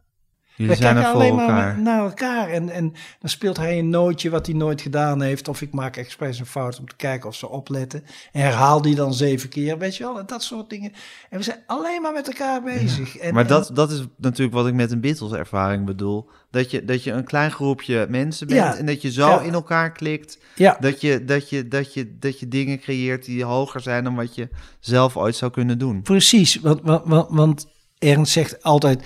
Ik zeg, dan, ehm, ja, jij hebt het koekoeksjongen in je band gehaald... want ik ging voor hem staan en veel harder zingen dan de rest. En zo. Nee, zei hij, ik heb de kip met de gouden eieren binnengehaald. Want toen jij erbij kwam, toen kreeg het structuur. En, het, eh, en, maar dat, ik, was, ik was nergens geweest zonder Ernst. Hij heeft mij geleerd om Nederlands, eh, Nederlandstalig zingen. Ik schreef het wel, maar Ja. dat zelf zingen. Want ik was een anglofiel, zoals je Ja. weet. En ik hield van de Kings en de Beatles en, Ja. en, en nog 400 andere Mercy Beat bandjes. Ja. Maar in het Nederlands zingen, dan hoort iedereen wat je zegt.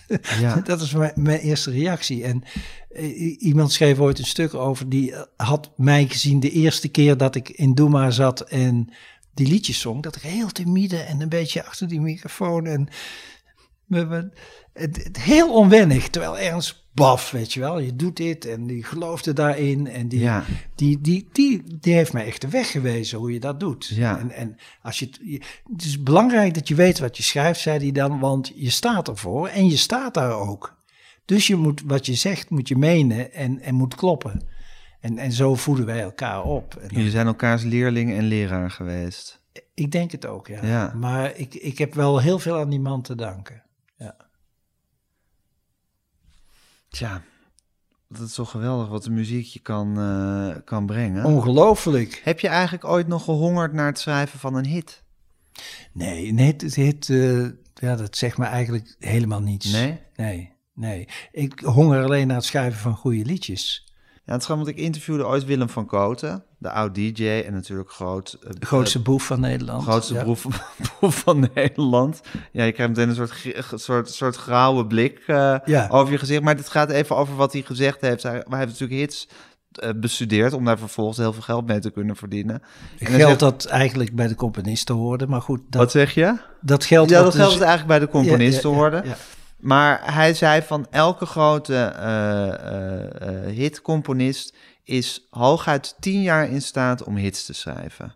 En daarna kan hij nog wel fantastische liedjes schrijven en een geweldige oeuvre, maar is de hitgevoeligheid afgelopen. Zou best kunnen zijn. Ik zou- best, ik- kijk, je kunt niet ontkennen dat hij daar een heel goed gevoel voor heeft. Ja. En hij weet ook altijd de goede mensen te vinden. Ik weet wel dat Doe maar uit elkaar ging en dat ik hem op een receptie tegenkwam. En dat hij zei van, eh, ah, je moet eh, meteen doorgaan, meteen, je moet niet wachten. Je moet meteen andere jongens nemen. Je mag zo een week in mijn studio. Een week in zijn studio. we, we kregen maanden, Ja. weet je, allemaal.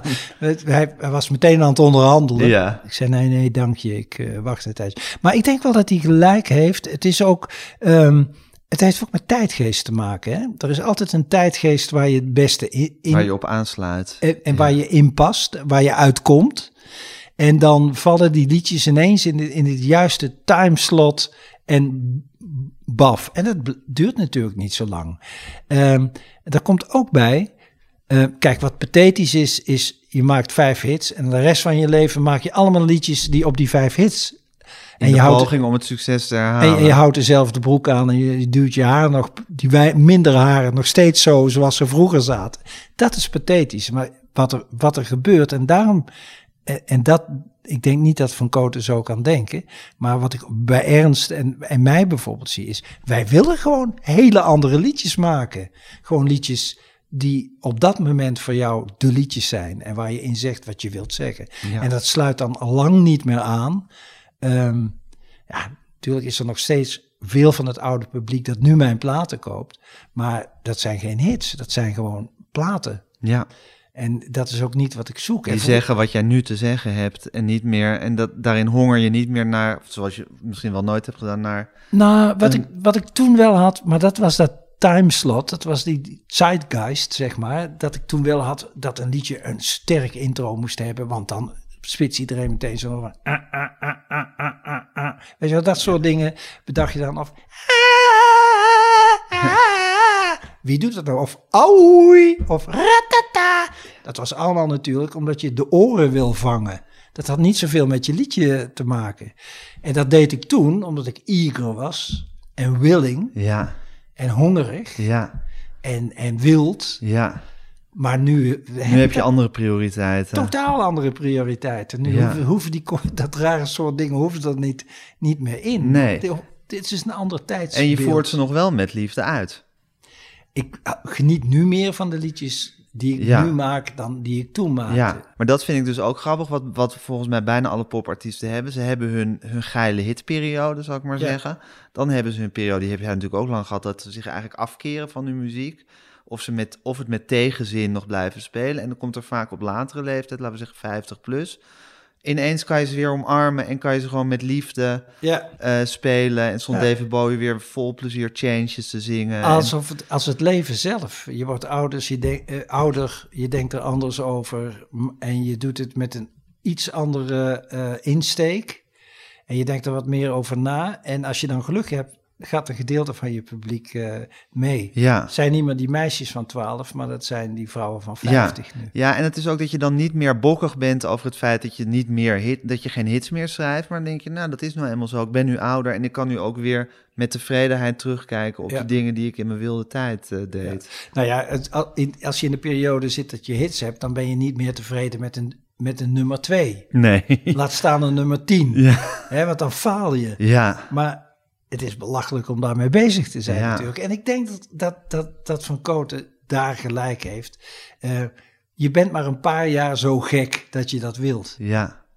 Ja, en je hebt maar een paar jaar die antenne dat je precies voelt wat de tijd... Dat, dat, dat- Oh, je denkt je denkt dat het iets is dat je op een gegeven moment gewoon niet meer geïnteresseerd bent precies. en een Ik- andere kant op gaat. Ik, ik denk dat, eh, dat ik nog, hè, stel dat ik nu, en het wo- wordt, je zult het niet geloven, maar het wordt me nu nog wel gevraagd om bijvoorbeeld een rapper te produceren. Ik denk dat ik dan nog wel zou weten wat de mensen willen horen, maar ik ben niet geïnteresseerd. Nee, Ik heb daar geen zin in. nee.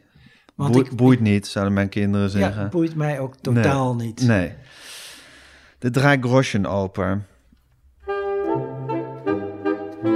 And now for something completely different. Ja, en ook weer niet. Nee, ik vind van niet, nee. Ik weet niet of ik helemaal het goede stukje heb uit. Het is natuurlijk Mackie Messer, maar Het is goed. dit is het instrumentale stuk. Ja, komt zo meteen de trombone. Ja,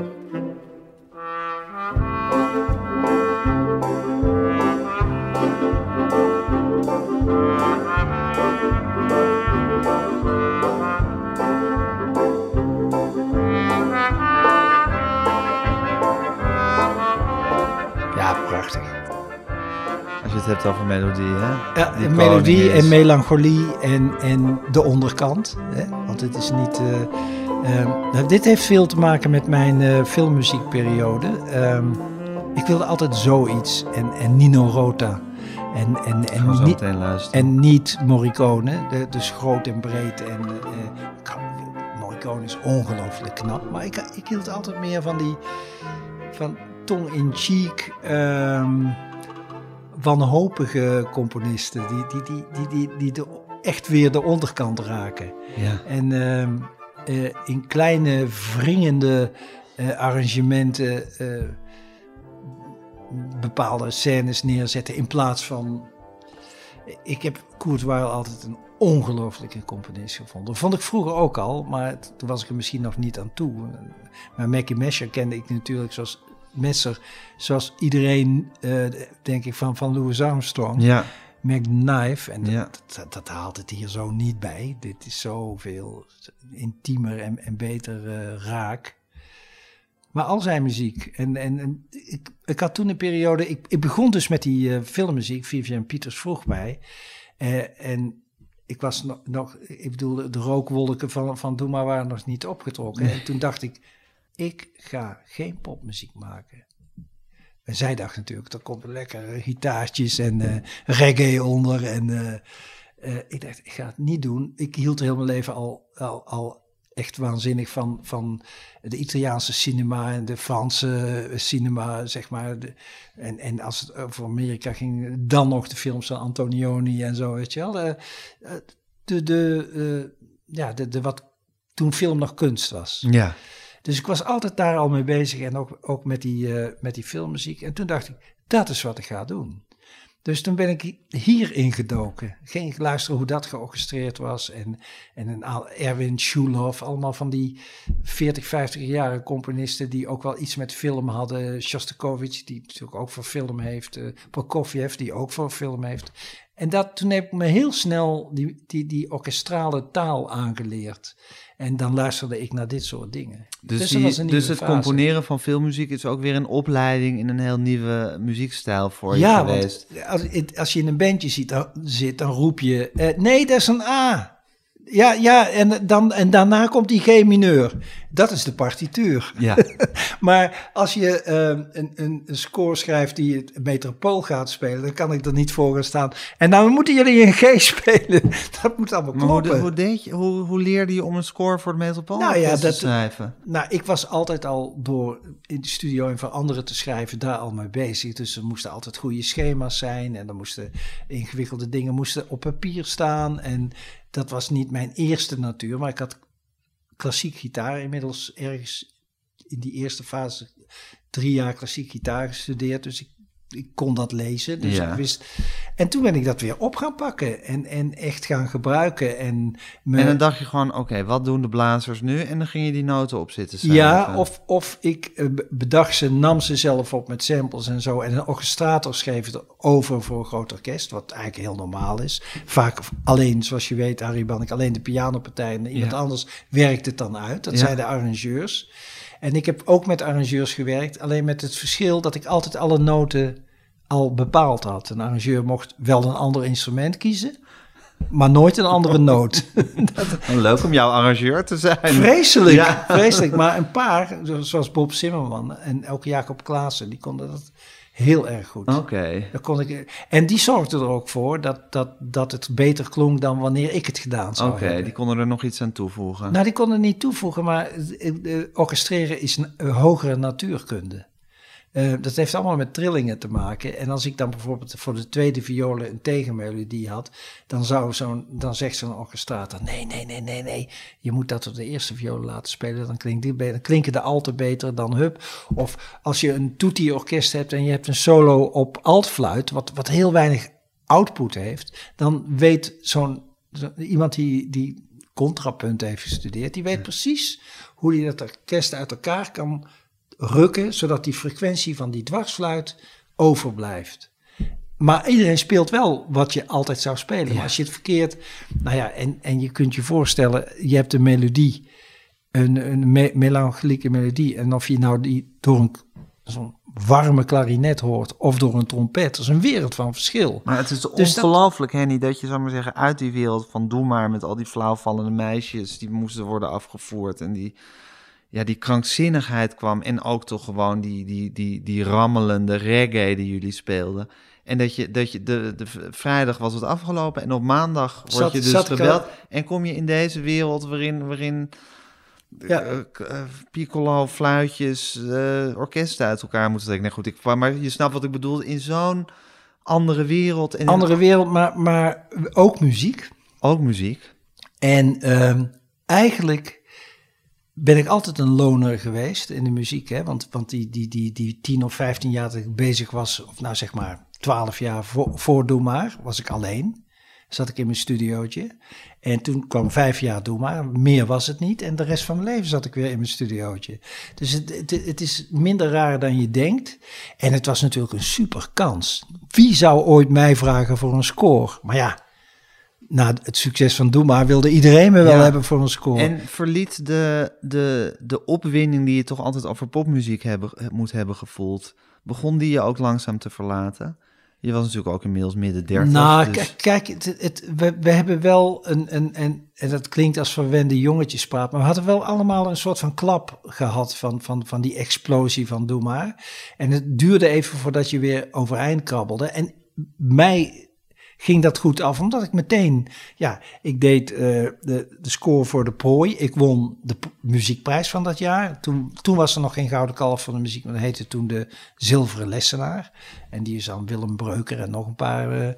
En daarna werden het Gouden Kalveren. Dus, dus ja, die maar je, werd met, je kreeg meteen de erkenning van een meteen, filmcomponist. meteen. Het, en, en echt niet omdat het zo goed was. Want als ik die score nu hoor, dan denk ik... Oh mijn god, hoe durfde ja, maar je? je hebt natuurlijk de gave van de melodie en dan kom je aan heel eind. Ja, en ik had de naam even mee. Dus eh, dat was dan leuker om, om aan, aan de zanger van Doe maar een prijs te geven... dan aan eh, Ja, ja. een, een, een of andere eh, morsige, Knutselaar. Ribfluwelen, geitenwolle Ja, precies. eh, componist. Ze vonden dat die het- leuk om uit te belonen. Die het dan echt kon, weet je. Mhm. Maar goed, het is, het is niet erg dat je niet kunt wat de anderen kunnen als je het maar weet. Als je maar weet, dat is er. Hè, nou, ik luisterde naar Koert Waal en dacht ik, godverdomme, dat wil ik ook kunnen. Ja. Zoals ik vroeger dacht, godverdomme bij de Beatles, dat wil ik kunnen. Ja. Je, moet, je moet altijd je... En had je al naar Koert Waal geluisterd voordat je... ja, ik, ik wist dat hij was. je wist ja. dat het bestond en Ja. je wist dat je het Ja. goed vond. Ja, ik luister eigenlijk altijd naar alle muziek. In die periode moet ik eerlijk zeggen.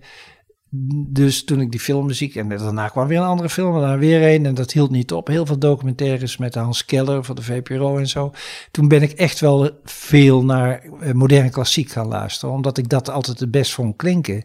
En ook vond dat dat het best de verbeelding hielp bij het vertellen van een verhaal. Veel beter dan een, dan een, eh, dan een popliedje. Ja. Ja. Ik vind dat een popliedje het verhaal ophoudt. Wacht even, dit moet In je een- nog een keer... Je vindt dat Nou ja, als, als je zit in een verhaal van een film en Ja. ineens klinkt er een liedje van de Beatles, dan Ja, ben, ik uit, het- ben ik weg uit het verhaal. Ja, Maar als daar een, een, een, warm instrument en je weet niet precies wat het is, hoe meer je niet weet welke klank je hoort, hoe beter voor het verhaal. Want dan wordt je aandacht niet naar die muziek gezogen, maar die doet wel iets. En, en dat, ja, dat, soort, dat, dat soort natuurkundige processen vond ik heerlijk Ja. om uit te vinden. en je bent nooit, ook als consument, een poppurist geweest. Nee, wat is een poppurist? Nou, dat je alleen maar naar popmuziek wilde Nee, luisteren. dat heb ik Nee. nooit. Nee, want het- het- ik Je hebt luister... twee soorten muziek, goede muziek en die andere soort. Dat Ja, is, dat is jouw ja. mot, jouw credo. Ja, ik geweest. luister altijd naar alles van tango tot, tot de etnische muziek, tot eh, en, en al, al naar pygmeeën muziek, eh, hè, Ja. dat gejodel eh, in, in de jungle. Als het muziek is, gaan je oren open. En soms verandert je, kantelt je wereldbeeld als je iets hoort. En sowieso Ja. hoor je of je iets goed vindt of dat je het Ja, matig vindt. Ja, en meestal is wat ik niet kan het mooist. En dan wil ik het ook kunnen. Dat is eigenlijk de sleutel van, van wat what ma- makes me tick. Is dat ook nu, want jouw platen komen uit bij Top Notch tegenwoordig. Ja. Een, een label wat vooral groot is met rappers. Is dat ook omdat je het leuk vindt om een beetje in die scene te verkeren? Nee, dat, dat komt door, door Kees de Koning, die, die, eh, die vindt dat ik eh, in de gelegenheid moet zijn om mijn liedjes op een plaat te zetten. En je vindt het niet leuk omdat Dat deed, hij, deed hij ook bij Dr. Anders P. hè? Ja, dat is waar. Ik bedoel, dat is echt een hele goede platenbaas. Ja, precies. Maar het is niet zo dat je denkt, oh leuk, want daar gebeuren ook weer allemaal dingen. Waar Nee, want ik kom daar binnen en ik denk iedere keer, waar, waar ben ik nu?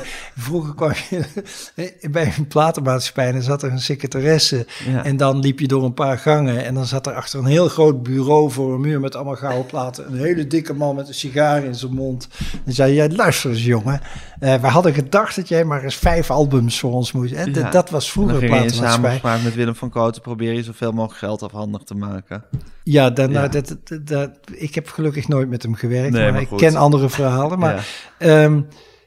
Eh, als je bij Topnotch binnenkomt, dan zitten eh veertig hele jonge mensen achter eh, een beetje zo, of liggen op banken, al, allemaal met laptops. En, het is een totaal andere wereld, allemaal hele mooie sneakers aan. En ik loop daar rond en die denken, wat doet die oude man hier? Die weten niet wie ik ben. Dat, Nee, dat vind ik echt heel leuk. maar daar geniet Ja. je van. Ja, daar geniet ik van. Ja. Nino Rota.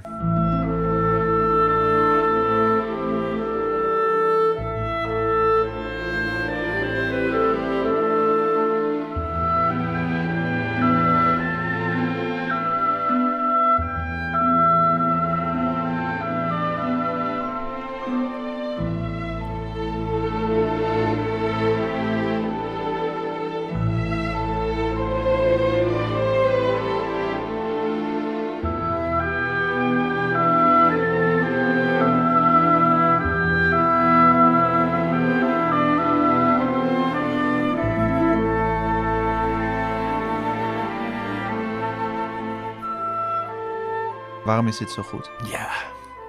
Eh, mijn hart gaat meteen open als ik het hoor. Het is, het is een ontwikkelen van een melodie, het is een juiste instrumentkeuze. Het is, eh, het is ehm, eh, volks op, op een bepaalde manier. Hè. Die, vooral bij die Fellini-films, Amarcord en zo, heeft hij hele... Het is La Dolce Vita dit. Ja, dit is La Dolce Vita. Eh, heel erg ehm, aards, volks,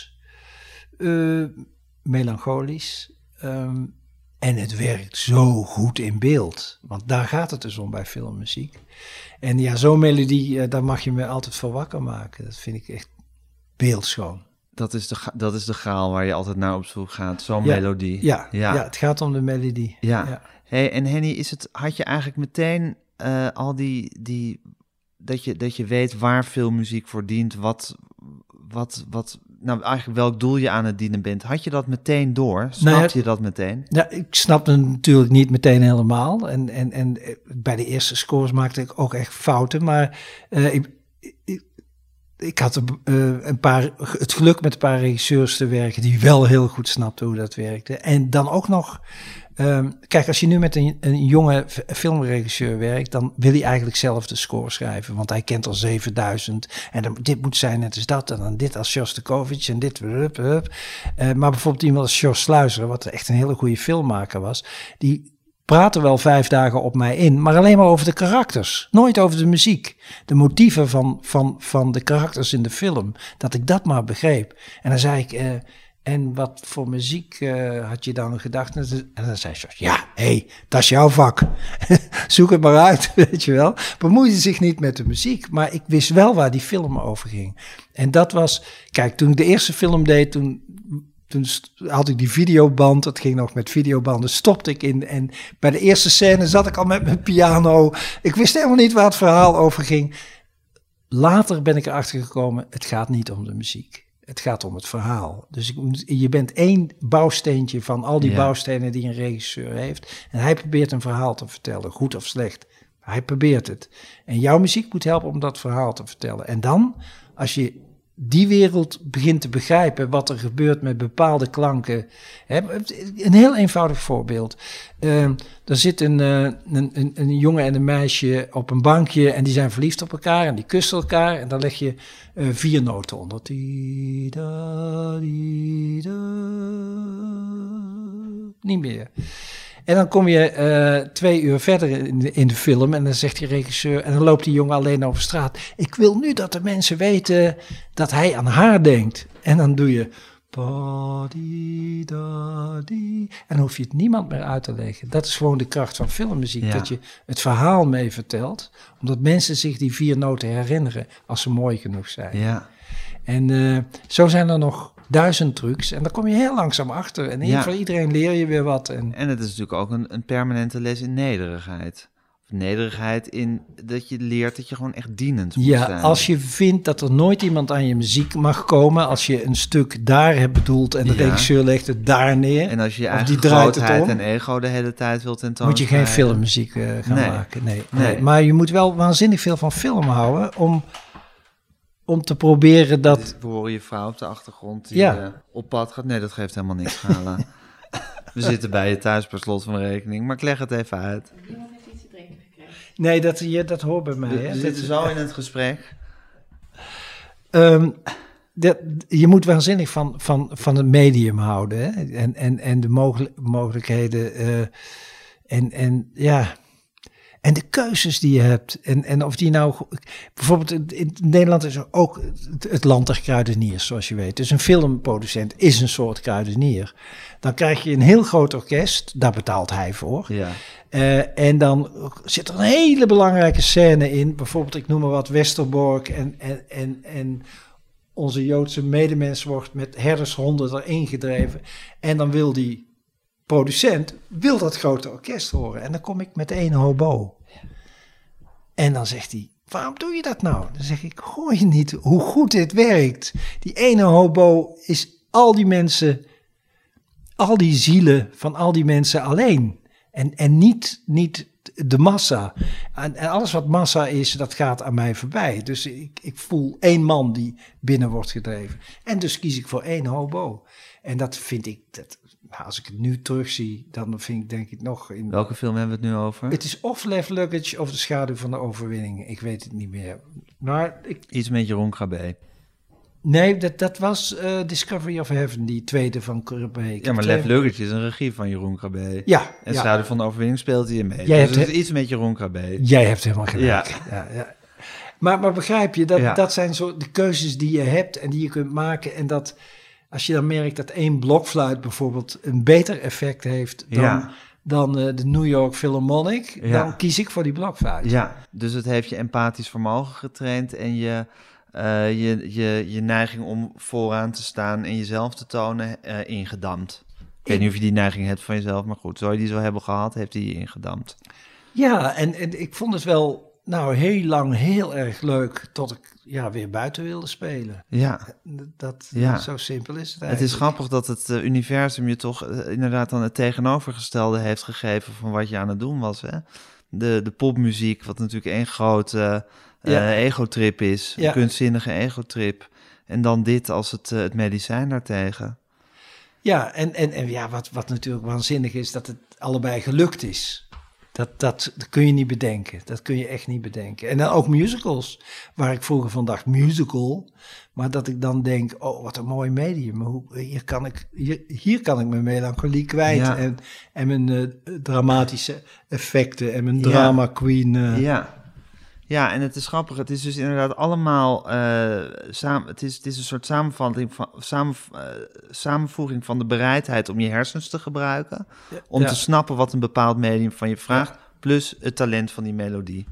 Wat je nou eenmaal hebt. Ja, maar, maar, maar dat komt ook, dat gevoel voor wat er gebeurt in beeld, of het nou een musical is of een liedje van Sesamstraat, eh dat gevoel dat je weet, oh, dat moet ik zeker niet doen, ik moet het zo doen, dat is ook niet, dat is eigenlijk ook alleen maar intuïtie. Ja, Dat is ook niet, niet na jaren, je wordt er wel beter in, maar het komt gewoon. Je voelt gewoon eh, dat je, nou, ik heb wel eens uitgelegd, en misschien gaat het te veel over filmmuziek, maar ik heb wel eens uitgelegd, eh, wa- waar veel filmcomponisten, vind ik, de mist in gaan, is eh, je hebt, je hebt bijvoorbeeld een, een groot episch verhaal in de woestijn en daar trekt een karavaan van kamelen doorheen en dan hoor ik een groot episch ademend orkest.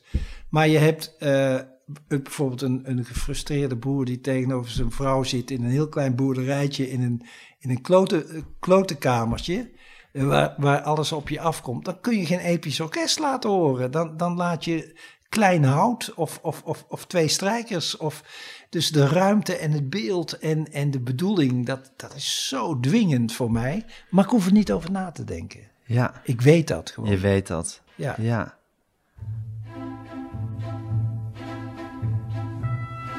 Con Ella. Ja. Dit vind ik een meesterlijke, meesterlijke score. Ik vind, ik vind het zo mooi.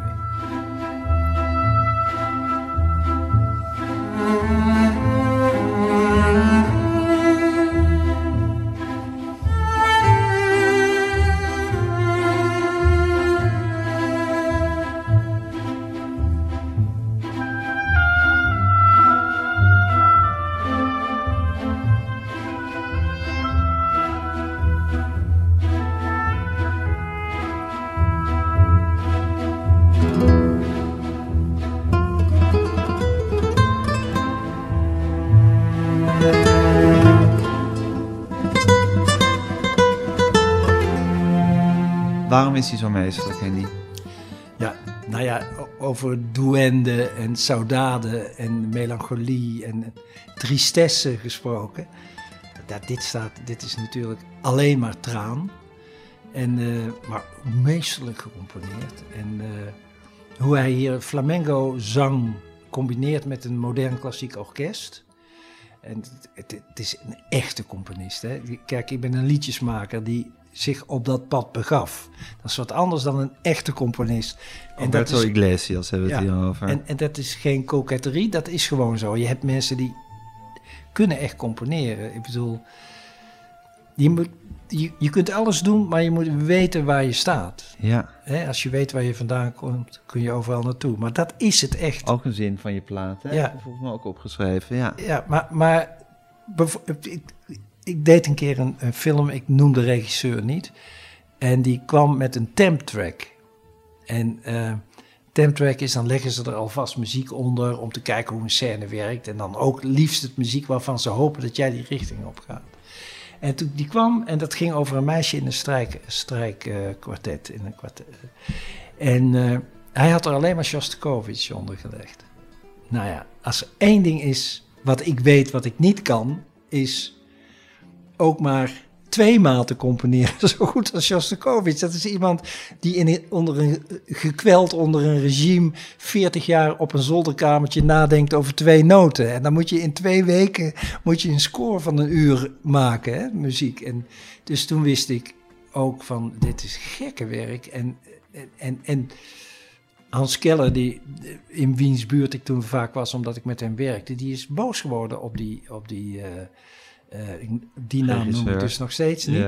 Omdat hij zei, dat kun je iemand niet aandoen. Iemand met oren aan zijn hoofd. Je komt met een voorbeeld, wat, dat, ik ben geen Shostakovich en zal het nooit worden. En ik heb wel strijkkwartetmuziek, eh, wat op zich al heel moeilijk is hoor, voor, voor vier instrumenten echt boeiend schrijven. Eh, ik heb het gedaan en het zal allemaal wel goed zijn geweest, maar het heeft er natuurlijk niks mee te maken. Kun je niet doen. Zoiets kun je niet doen. En zo is ook als ik een deuntje schrijf en, en ik luister naar eh, Iglesias, en dan niet die kwijlende oom van hem, maar deze componist. Is dat zo? Nee, dat denk Oh. ik. Zelfde achternaam. Ja. Maar eh, ja, dan denk ik, ja, je moet wel weten waar je mee bezig bent en weten waar je staat. En, en weten waar je grenzen liggen. Ja, en dit is de top van de top. Deze Alberto Iglesias. Voor mij. Voor, Voor mij. jou, ja, tuurlijk. Voor mij, omdat hij de zo, zo, zulke bezielde muziek en goed uitgevoerd. Ja. En eh, eh, ja, ik vind het echt heel erg mooi. En wat ik ook mooi vind van, van- wat ik ook altijd heb gezocht in de filmmuziek. Ik kom van dit continent, dus ik ga niet Amerikaatje spelen. Nou, zoals je dat dus met Doe maar ook al letterlijk zo formuleerde. Precies, Ja, je moet, je moet We het zijn wel uit- Europese jongens. Je moet het uit, uit, uit jouw oeromgeving halen. En, en, en dat is wat hij doet. Dit is gewoon hij, hij, Spaanse film. Nou, dat kun je horen dat het Spaanse muziek is. En in Nederland is het een stuk moeilijker. Een mooi voorbeeld is eh, Vincent van Wammerdam. Daar hoor ik altijd aan. Die heeft prachtige scores gemaakt. Dat komt uit Nederland. Het komt uit het oude land. Dit komt uit Europa. En dat vind ik mooi. Dat je, als je een Europees film maakt, dat je, dat, hè, dat je niet... eh, ik kan je ook veertig films laten horen in Nederland gemaakt... waar iemand Amerikaatje zit te spelen met die synths eronder. En, en vanaf tel 1 een, een, een verwachting opwekken die Ja. nooit wordt ingelost. Ja. Weet je? Dus eh klinkt een beetje kritisch. Dat wil ik trouwens ook zijn. Dat, ik vind dat je, dat je... Je moet weten waar je vandaan komt. Ja. Ja, het- ik weet al welk slotliedje van je. Wel even kijken. Welk nummer is het ook alweer waar je het in zei? Karnemelk met bitterkoekjes. Oh, het is het eerste. Ja, als je Ja. weet waar je vandaan komt, kun je, kun je overal- overal naartoe. Nou, dan gaan we daar dit, deze, eh, dit interview mee eindigen. Ja, goed. Sowieso. En, maar ik wou ook nog even zeggen, Henny, wat is het toch een mirakel dat je op je elfde wist, eh, de muziek, dat Ja. wordt het. Ja, En dat, dat het je deze, al deze kennis, ervaring, eh, welstand, maar dat is het minst belangrijke, maar al deze rijkdom, ja, intellectuele rijkdom heeft gegeven.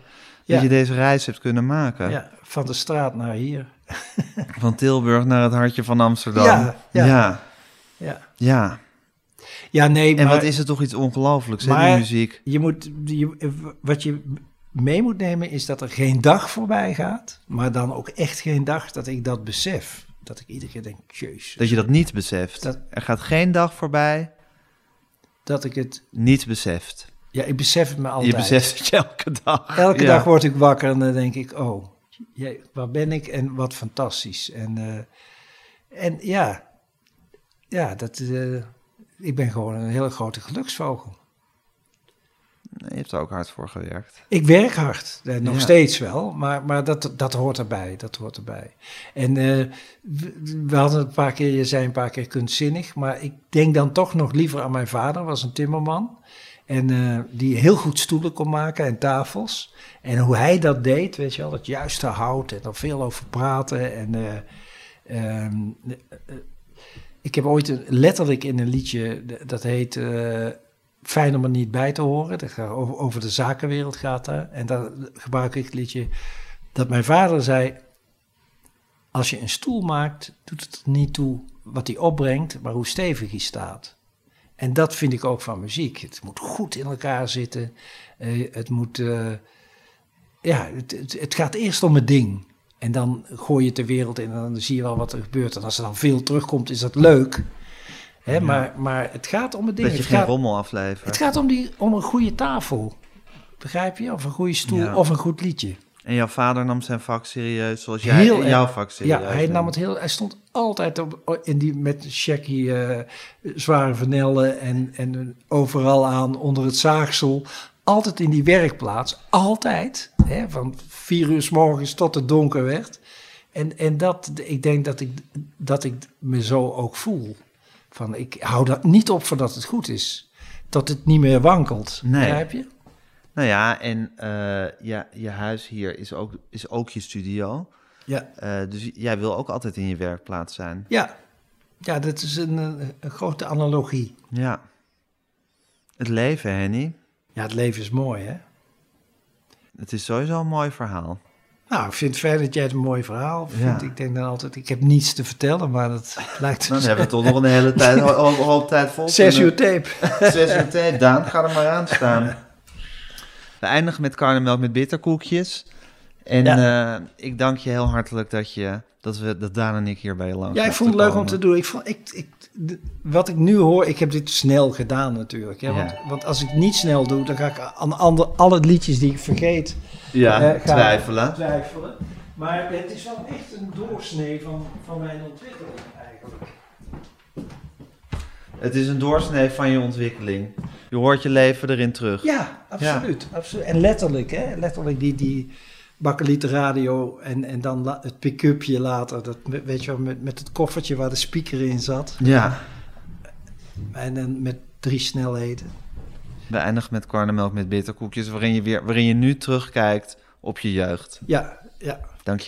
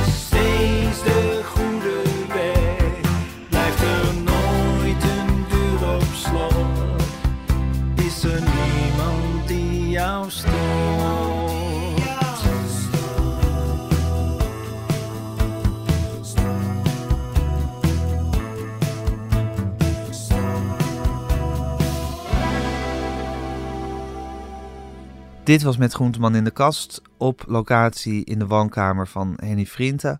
Met Henny Vrienden. Ik maak deze podcast samen met Daan Hofstee. U kunt zich eh, abonneren op alle mogelijke manieren op deze podcast. U kunt ons een mail sturen, podcasts, op het eind, volkskrant.nl. En eh, geef ons lekker veel sterretjes. En volg ons op Instagram, met Groenteman. Dit is de gevreesde zoemer die na 60 seconden pitchen afgaat. Lukt het startende ondernemers om binnen deze tijd hun businessidee uit te leggen aan een vakkundige jury? Welkom op de stip. Ben je er klaar voor om jouw pitch te gaan geven? As ready as can be, ja. Ik ben er klaar voor. Denk het wel. Ik, Fabienne de Vries, neem jou mee in Droomstart. Die klok maakt je wel zenuwachtig. Een unieke podcastserie van de ondernemer waarin we ambitieuze Nederlanders volgen bij het starten van hun eigen onderneming. Ik kan me niet voorstellen dat iemand hier komt, ik ben beter dan Google. Maar wat ik wel weet, is dat zij het niet doen. En jij bent erbij. Vanaf die eerste spannende pitch tot aan de meest cruciale momenten van hun weg naar succes. Ik heb nooit geleerd om te zeggen van, eh, oh, ik ben het waard. Volg Droomstart in je favoriete podcast-app en mis niets van dit unieke kijkje achter de schermen. Droomstart is een initiatief van de ondernemer en podcastbureau As We Speak. Ben jij klaar voor het allerleukste 30-plus single-event van deze zomer? Samen met Indebuurt.nl en Theater Junushof in Wageningen organiseer ik, Casper van Koten, het Swipe Festival 2024. Met comedy, muziek, wetenschap en coaching. Maar vooral heel veel leuke mensen. Bestel nu je kaart op swipefestival.nl. Swipe, swipe.